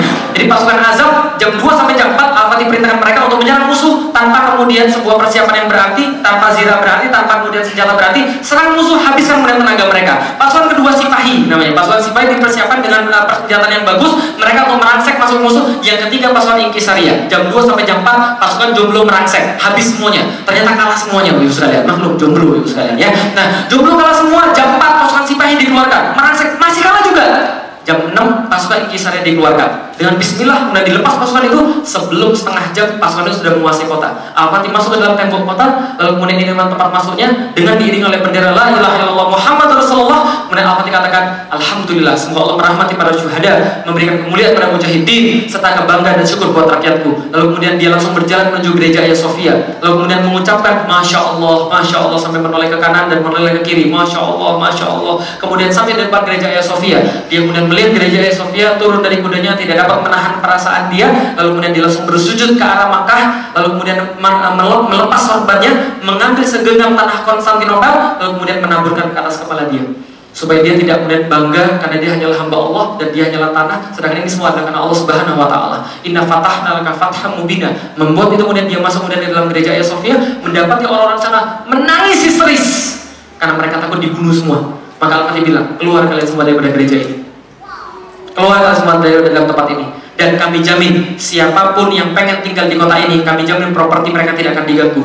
dan mereka akan dijamin kehidupan mereka. Dan yang mau keluar daripada kota ini yang tidak mau kami pimpin silakan keluar dari kota ini. Kami jamin nyawa mereka sampai di depan tembok kota. Tapi kami minta tempat ini dijadikan sebagai masjid. Sudah diincar dari dulu ya sekalian pertama kali dia datang masjid yang dilantik. Lalu kemudian ketika dia sampai ke masjid dia katakan bersihkan semua tempatnya dibersihkan semua tempatnya berhala-berhala dikeluarin kemudian uh, lantai-lantai kemudian dibersihkan. Lalu kemudian gambar-gambar yang tidak pantas ditutupi dengan ditutupi dengan lumpur. Jadi kalau anda datang ke sana itu gayanya kadang-kadang ngomongnya salah. Ini memang dibuat sengaja untuk toleransi. Enggak ada. Al-Fatih tutup itu dengan liat tanah liat supaya nggak dilihat. Lah kenapa nggak dihancurkan? Karena itu tidak boleh menghancurkan. Kan kita nggak boleh menghancurkan. Ditutup dengan liat. Nah pada masa-masa terakhir kebuka ternyata baru ketahuan di belakangnya ada itu jadi belum ditutup, ditutup dengan tanah liat, kemudian dibuka, dibuat dengan yang baik semuanya. Semua sudah baik, mimbar digeser 9 derajat ke arah Mekah. Awalnya kan ke Al-Aqsa. Mereka kan arahnya ke Al-Aqsa awalnya. Digeser 9 derajat ke arah Mekah, kemudian setelah digeser 9 derajat, semua selesai sebelum asar. Dan asar, azan berkumandang pertama kali 29 Mei 1453, hari yang sama dengan penaklukan Konstantinopel. Allahu Akbar, Allahu Akbar. Dan sampai sekarang nggak selesai. Azan tetap berkumandang di situ. Tapi sayangnya tempat itu sekarang jadi museum. Tahu kenapa jadi museum? Yang sudah pernah saya ceritakan ketika saya orasi tentang Palestina di Masjid Pondok Indah. Saya cerita kenapa? Karena orang-orang kafir tidak ridho kebanggaan mereka jadi masjid. Maka mereka protes sehingga Mustafa Kemal menjadikan ini sebagai museum. Ketika dijadikan ini sebagai museum, Erdogan mau menjadikan lagi sebagai masjid. Diprotes keras sama orang Yunani. Karena mereka merasa ini punya kami. Ini punya orang Kristen Ortodoks. Protes keras. Padahal ini masjid tidak ter, uh, tidak tertulis dalam kitab mereka, tidak tertulis dalam hadis-hadis mereka dalam tanda kutip. Tapi mereka sangat peduli pada ini. Al-Fatih sebelum meninggal punya wasiat. Apa wasiatnya? Wasiatnya ada di makamnya Muhammad Al-Fatih tulisnya begini. Saya berwasiat siapa pun yang mengganti ini selain menjadi siapa pun yang mengganti ini selain menjadi masjid lagi, maka mudah-mudahan Allah melaknat dia. Karena dia tahu ini pasti pasti diganti lagi jadi bukan masjid. Jadi nunggu Al-Fatih berikutnya untuk balik lagi sebagai masjid. Bisa dipahami sekalian? Cita-cita saya pas pertama kali ke sana itu sholat di situ. Cuma pas di sana, uh, polisinya banyak banget itu kan nggak jadi. Gitu. Nah itu kemudian apa sih menambah itu semua, lalu kemudian dijadikan sebagai masjid, semua sudah selesai. Dan semua cerita saya kayak dongeng, betul begitu. Tapi itu bukan dongeng, dan itu bukan materinya. Ini materi bagus sekalian. Materinya ini, misalnya, lihat nih, lihat baik-baik. Itu pengantar materi. Ini materinya. 54 hari perang, 825 tahun penantian. Berapa hari perang? Berapa tahun penantian? 825 tahun penantian. Maksudnya apa? Semenjak keluar dari lisan Rasulullah Sallallahu Alaihi Wasallam, la tuftahanal Konstantiniyah akan ditaklukkan kota Konstantinopel oleh kalian. Fala ni'mal amiru amiruha dan sebaik-baik penakluknya adalah dia. Wala ni'mal jaisu zalikal jais dan sebaik-baik panglima dan sebaik-baik pasukan dan pasukan yang dipimpin. Maka semenjak diucapkan Rasulullah 825 tahun yang lewat, maka ada yang bilang, gila dia, stres dia, ngayal, bohong, gila dia. Rasulullah banyak dihina orang, tapi hinaan apa yang paling banyak kemudian pada Rasulullah? Al-Majnun. Orang gila. Sampai Al-Quran membantah, wa ma sahibukum bimajnun. Tidak, sahabat kalian bukan orang gila. Tahu nggak kenapa Rasul sering dibilang gila? Karena Rasul sering mengatakan sesuatu yang nggak masuk akal bagi orang zaman itu dan nggak masuk logika pada orang zaman itu.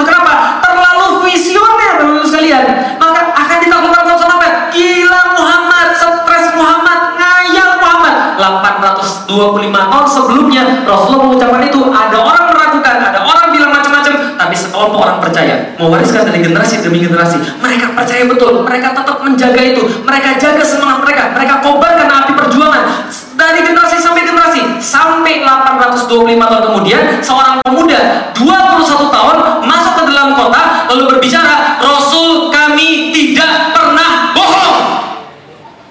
Berapa lama? 825 tahun penantian agar membuktikan satu hadis Rasulullah. La tuftahanna Konstantinia akan ditaklukkan kota Konstantinopel yang orang bicara gak mungkin. Stres dia. Gila ngayal. 825 tahun membuktikan. 825 tahun menjaga perjuangan. 825 tahun kekeh dengan itu semuanya. Kita baru berjuang setahun dua tahun gitu ya. Terus futur. Kayaknya nggak bakal bersatu deh Mau sampai kapan lagi kita aksi Ustaz? Kemarin 411 sudah, 212 sudah, aksi reuni sudah, aksi bela Palestina. Mau berapa lama lagi? Antum gak sabar. Serius nih sekarang, antum gak sabar. Persatuan umatnya ada jalannya dan harus sabar. Muhammad Al-Fatih menagih janji Rasulullah itu dalam tanda kutip menagih 825 tahun. Berapa generasi itu mas? Antum baru berjuang setahun, dua tahun, pengen lihat hasil di depan mata. Sabar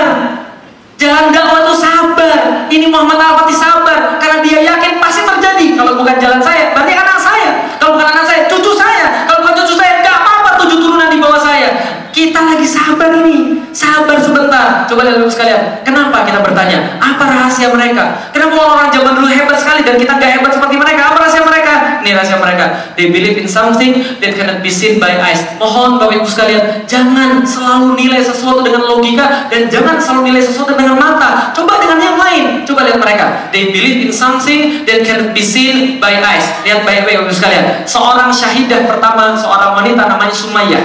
Jihad diwajibkan bagi laki-laki, tapi syahidah pertama kali adalah seorang wanita. Ibu-ibu, itulah the power of mama sekalian.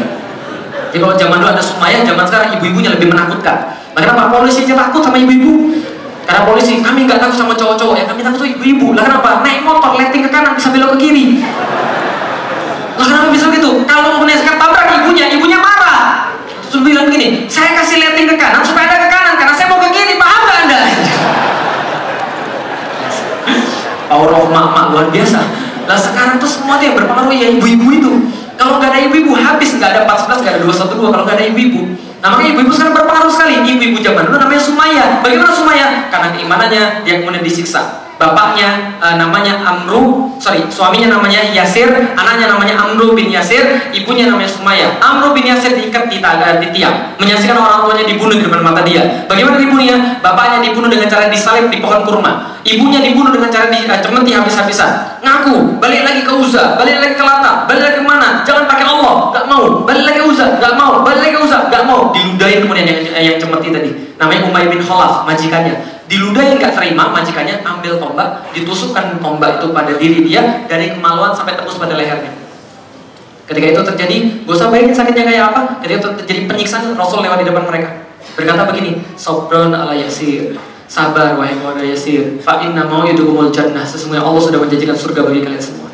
Ketika mendengarkan kata surga itu apa kata Sumaya ya Rasulullah surganya sudah di depan mata saya ini ya Rasulullah seolah-olah dia melihat surganya Allah. Padahal matanya nggak ada beda dengan mata kita. Tapi kenapa dia mengatakan begitu? Catat baik-baik karena bagi dia apa yang dia dengar dari Rasulullah itu jauh lebih penting daripada fakta apa pun di depan mata dia.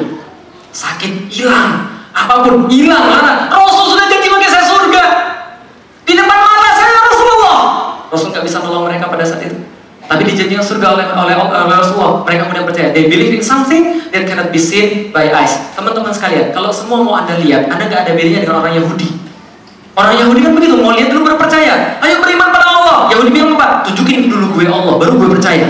Itu kata mereka dari dulu kan ya? Ya Musa, kami tidak akan beriman kepada kepada engkau sebelum engkau menunjukkan kami Allah itu kayak apa. Apa yang terjadi? Sampai petir, paham sekalian?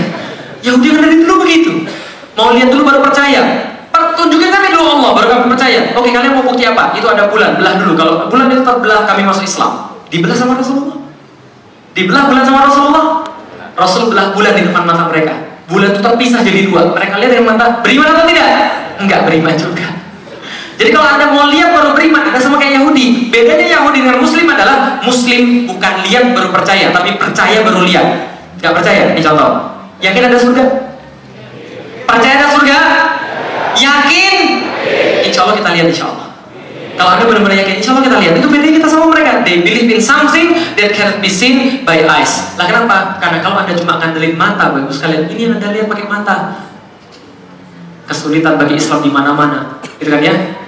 Islam kemudian ditindas di mana-mana, dihabisi di mana-mana. Sadar gak sih Bapak Ibu sekalian ketika Anda masih muda doa itu ya, ya Allah tolonglah saudara-saudara kami di Palestina ketika lagi sholat kunut kan ya Allah mangsur ikhwana fi Palestina. Lah sekarang nambah ikhwana fi Suria, ikhwana fi Aleppo, ikhwana fi Chechnya, ikhwana fi Rohingya. Semuanya kita sebut sekarang Masya Allah. Lah kalau kita lihat fakta di depan mata, kita kayaknya bakal, ah, kayaknya nggak bakal bisa deh.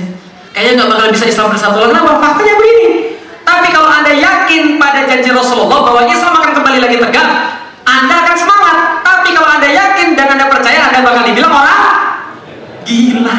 Nah kenapa? But look the glory is the hardest part. Percaya pada kemenangan, di saat kita lagi kalah, itu adalah sesuatu yang sangat sulit sekali. Seperti yang bisa dilakukan oleh para sahabat. Tapi coba lihat, ini adalah perbandingannya. Oke, Bapak Ibu sekalian, Anda punya anak, satu anak ingin berkata begini, saya akan jadi juara se-Indonesia. Yang satu lagi berkata, saya mau jadi juara sekelas aja lah. Yang lebih semangat belajar, yang pertama atau yang kedua? Yang pertama atau yang kedua? Yang se-Indonesia atau yang sekelas? Oke, kenapa bisa begitu?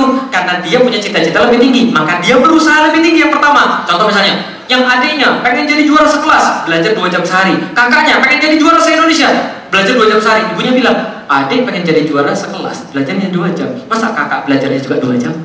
Bapak, eh, berarti kakak berarti harus sekelas juga. Kalau kakak mau Indonesia belajar harus lebih keras. Oke, saya akan lebih keras. 6 jam, 8 jam, 12 jam. Lihat, orang bercita-cita tinggi, usahanya lebih tinggi. Ketika orang usahanya lebih tinggi, prestasinya lebih tinggi atau tidak?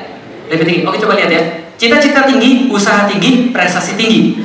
Coba kita balik. Kalau ada orang prestasinya biasa-biasa aja, berarti usahanya Kenapa usahanya biasa-biasa aja? Karena cita-citanya biasa-biasa saja. Lihat Muhammad Al-Fatih. Dia punya cita-cita tinggi menaklukkan Konstantinopel. Usahanya tinggi, prestasinya tinggi. Pertanyaan saya, gak usah jawab. Jawabnya di rumah saja. Pas nanti lagi tahajud, coba jawab baik-baik. Kira-kira begini.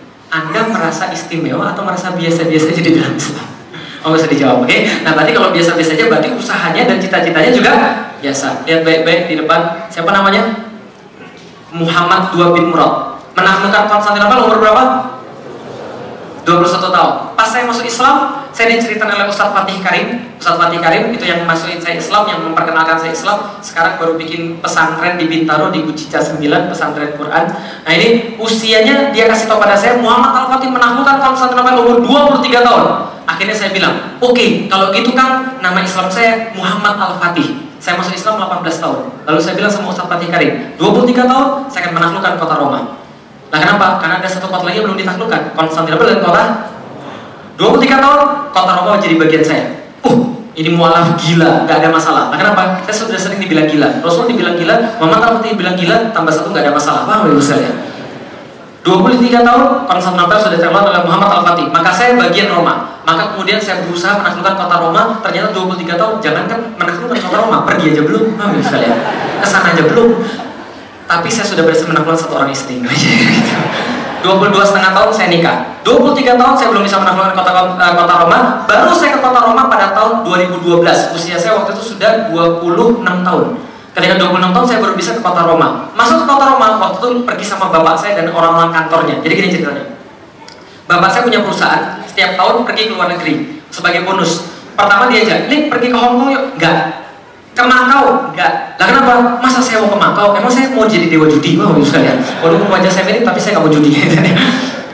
Makau nggak mau Hong Kong nggak mau Singapura nggak mau Malaysia nggak mau. Lalu suatu hari bapak saya bilang Lik kita mau ke Eropa tahun ini Lik mau ikut nggak? Eropanya Eropa mana?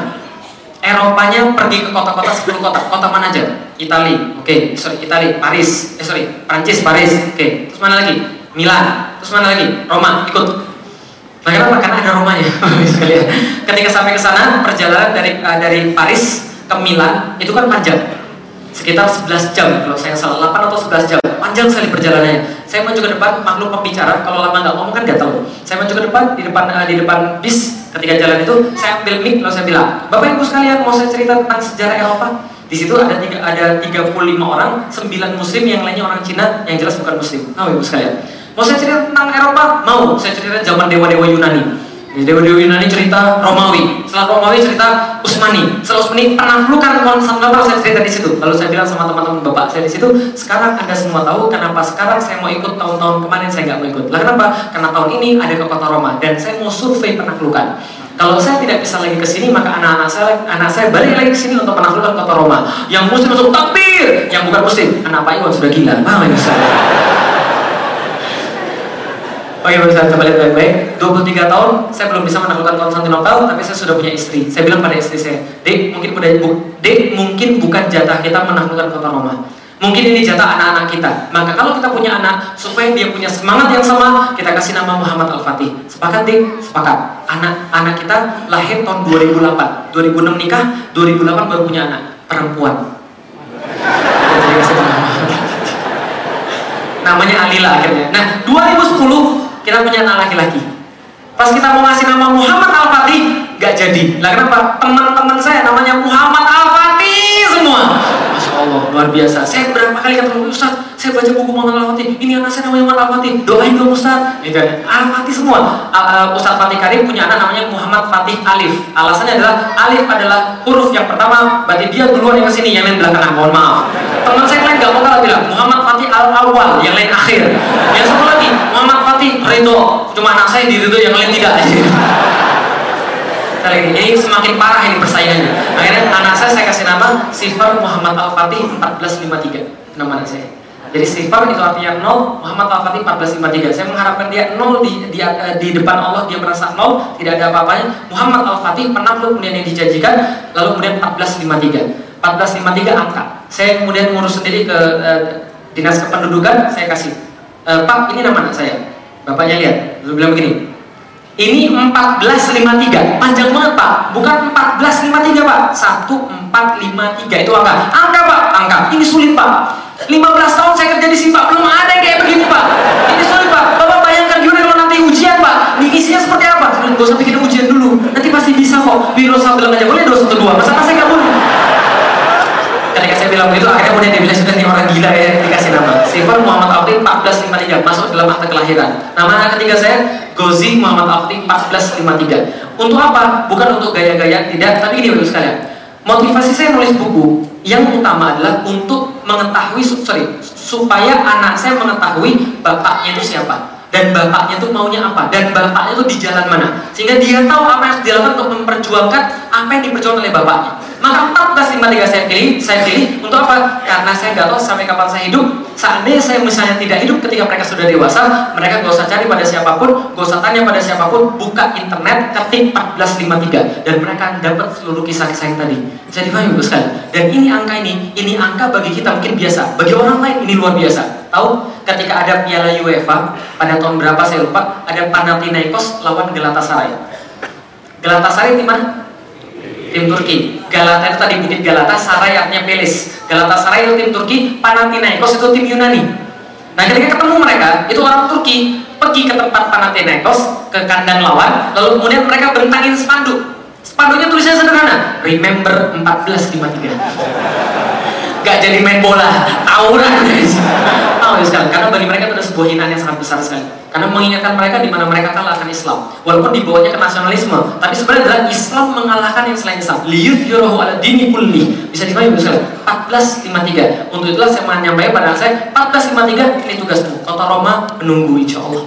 Dan ini sudah takluk nampak Roma belum. Maka itu adalah tugas bagi kita semuanya. Oke balik lagi. Yang terakhir pertanyaannya. Masih ingat kisah Paret tadi? Paret tadi masih ingat? Ada berapa kelompok di situ?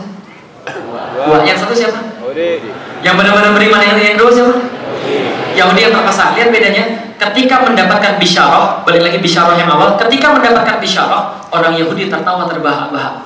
Lalu kemudian membuli kaum muslimin, mengatakan tidak mungkin, gila, mereka suka ngayal, mereka semuanya orang nggak mikir tapi orang beriman ketika mendengarkan bisyarah dari Rasulullah Shallallahu Alaihi Wasallam mereka yakin mereka berusaha yang terbaik dan mereka dapat apa yang dijanjikan oleh Allah Subhanahu Wa Taala. Coba lihat baik-baik. Imam Hasan Al Banna menyingkat semua pembahasan kita ini dengan kata-kata jalan dakwah itu panjang.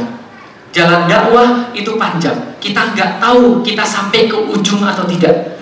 Tapi Allah untungnya tidak mewajibkan kita untuk sampai di ujung daripada jalan dakwah. Tapi yang Allah wajibkan kepada kita adalah bersiteguh di atas jalan dakwah sampai kita dimenangkan oleh Allah atau kita dimatikan di atas jalan dakwah itu. Ah, baru sekalian. Ini panjang jalannya ini. Gitu kan ya. Nah, yang kita ingin sampaikan adalah ketika dapat bisyarah ini, maka muslim akan berbuat sebisanya, semampunya, semaksimalnya sampai mereka lihat kemenangan itu atau mereka mati di atas jalan dakwah itu, Bapak sekalian. Pertanyaan saya terakhir, kalau menurut Bisyarah Islam akan bangkit atau tidak? Islam akan bangkit atau tidak?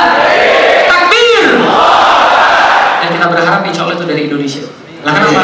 Karena seluruh negeri-negeri yang lain sudah punya jatahnya. Orang Persia masuk Islam dan mereka sudah punya jatahnya. Orang-orang Turki masuk Islam dan mereka sudah punya jatahnya. Orang-orang Arab sebelumnya masuk Islam dan mereka sudah punya jatahnya. Satu-satunya bangsa yang belum dapat jatah untuk mendapatkan kekuasaan daripada Allah Subhanahu wa taala karena Anda sudah memeluk Islam adalah bangsa Anda. Itu belum punya jatah satu-satunya. Makanya orang-orang Palestina beberapa berkata, kami yakin Islam akan bangkit daripada Indonesia. Takbir! Terima kasih. Assalamualaikum warahmatullahi wabarakatuh.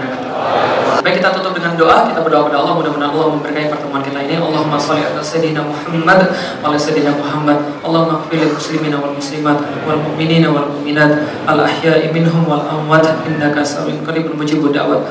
Allahumma antal haq wa rasuluka haq wa kitabuka haq wa yaumil qiyamati haq wa malaikatuka haq wa qadari haq.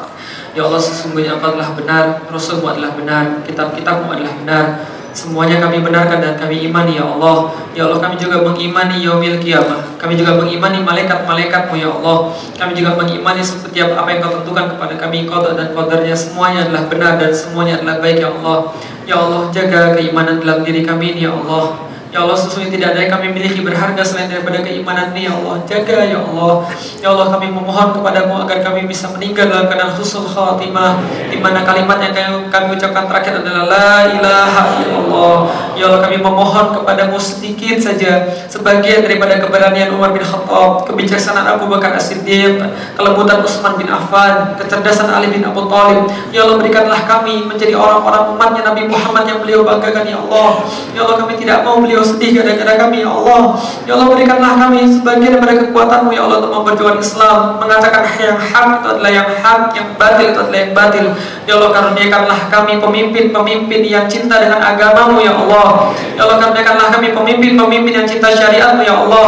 Ya Allah karuniakanlah kami pemimpin-pemimpin yang mencintai kami Sebagaimana kami mencintai mereka ya Allah. Ya Allah berikanlah kepada kami penguasa-penguasa yang baik Penguasa-penguasa yang peduli pada engkau ya Allah. Penguasa-penguasa yang tunduk pada engkau ya Allah Ya Allah karuniakanlah kepada orang-orang di Indonesia ya Allah. Karunia kau yang terbaik daripada Engkau ya Allah. Berkahilah mereka. Ya Allah kami hadir di sini memiliki hajat masing-masing ya Allah. Maka penuhilah apa yang menjadi hajat kami ya Allah. Fakihkan kami dalam agamamu ya Allah. Berikan sebagian daripada ilmu yang kau berikan kepada kami itu ya Allah. Ya Allah jadikanlah kami orang yang fakih di dalam agamamu ya Allah. Ya Allah jadikan anak-anak kami sedang dipandang mata dan kelak menjadi penyejuk bagi kami di yaumil kiamah nanti ya Allah. Ya Allah jadikanlah suami-suami kami istri-istri kami adalah orang-orang yang menjadi pemberat bagi kami kepada surgamu ya Allah. Ya Allah jadikanlah kami orang-orang muslim dan muslimat yang senantiasa istiqomah dalam agamamu ya Allah. Ya Rabbana atina fid dunya hasanah fil akhirati hasanah wa qina ya Allah berikanlah kami kebaikan-kebaikan di dunia sebagaimana Engkau menjanjikan kepada kami kebaikan-kebaikan di akhirat dan janganlah Engkau masukkan kami dalam orang-orang yang merugi ya Allah. Rabbana atina fid dunya hasanah wa fil akhirati hasanah wa qina adzabannar subhanaka rabbika rabbil izzati am yasifun wassalamun ala mursalin walhamdulillahi alamin. Assalamualaikum warahmatullahi wabarakatuh.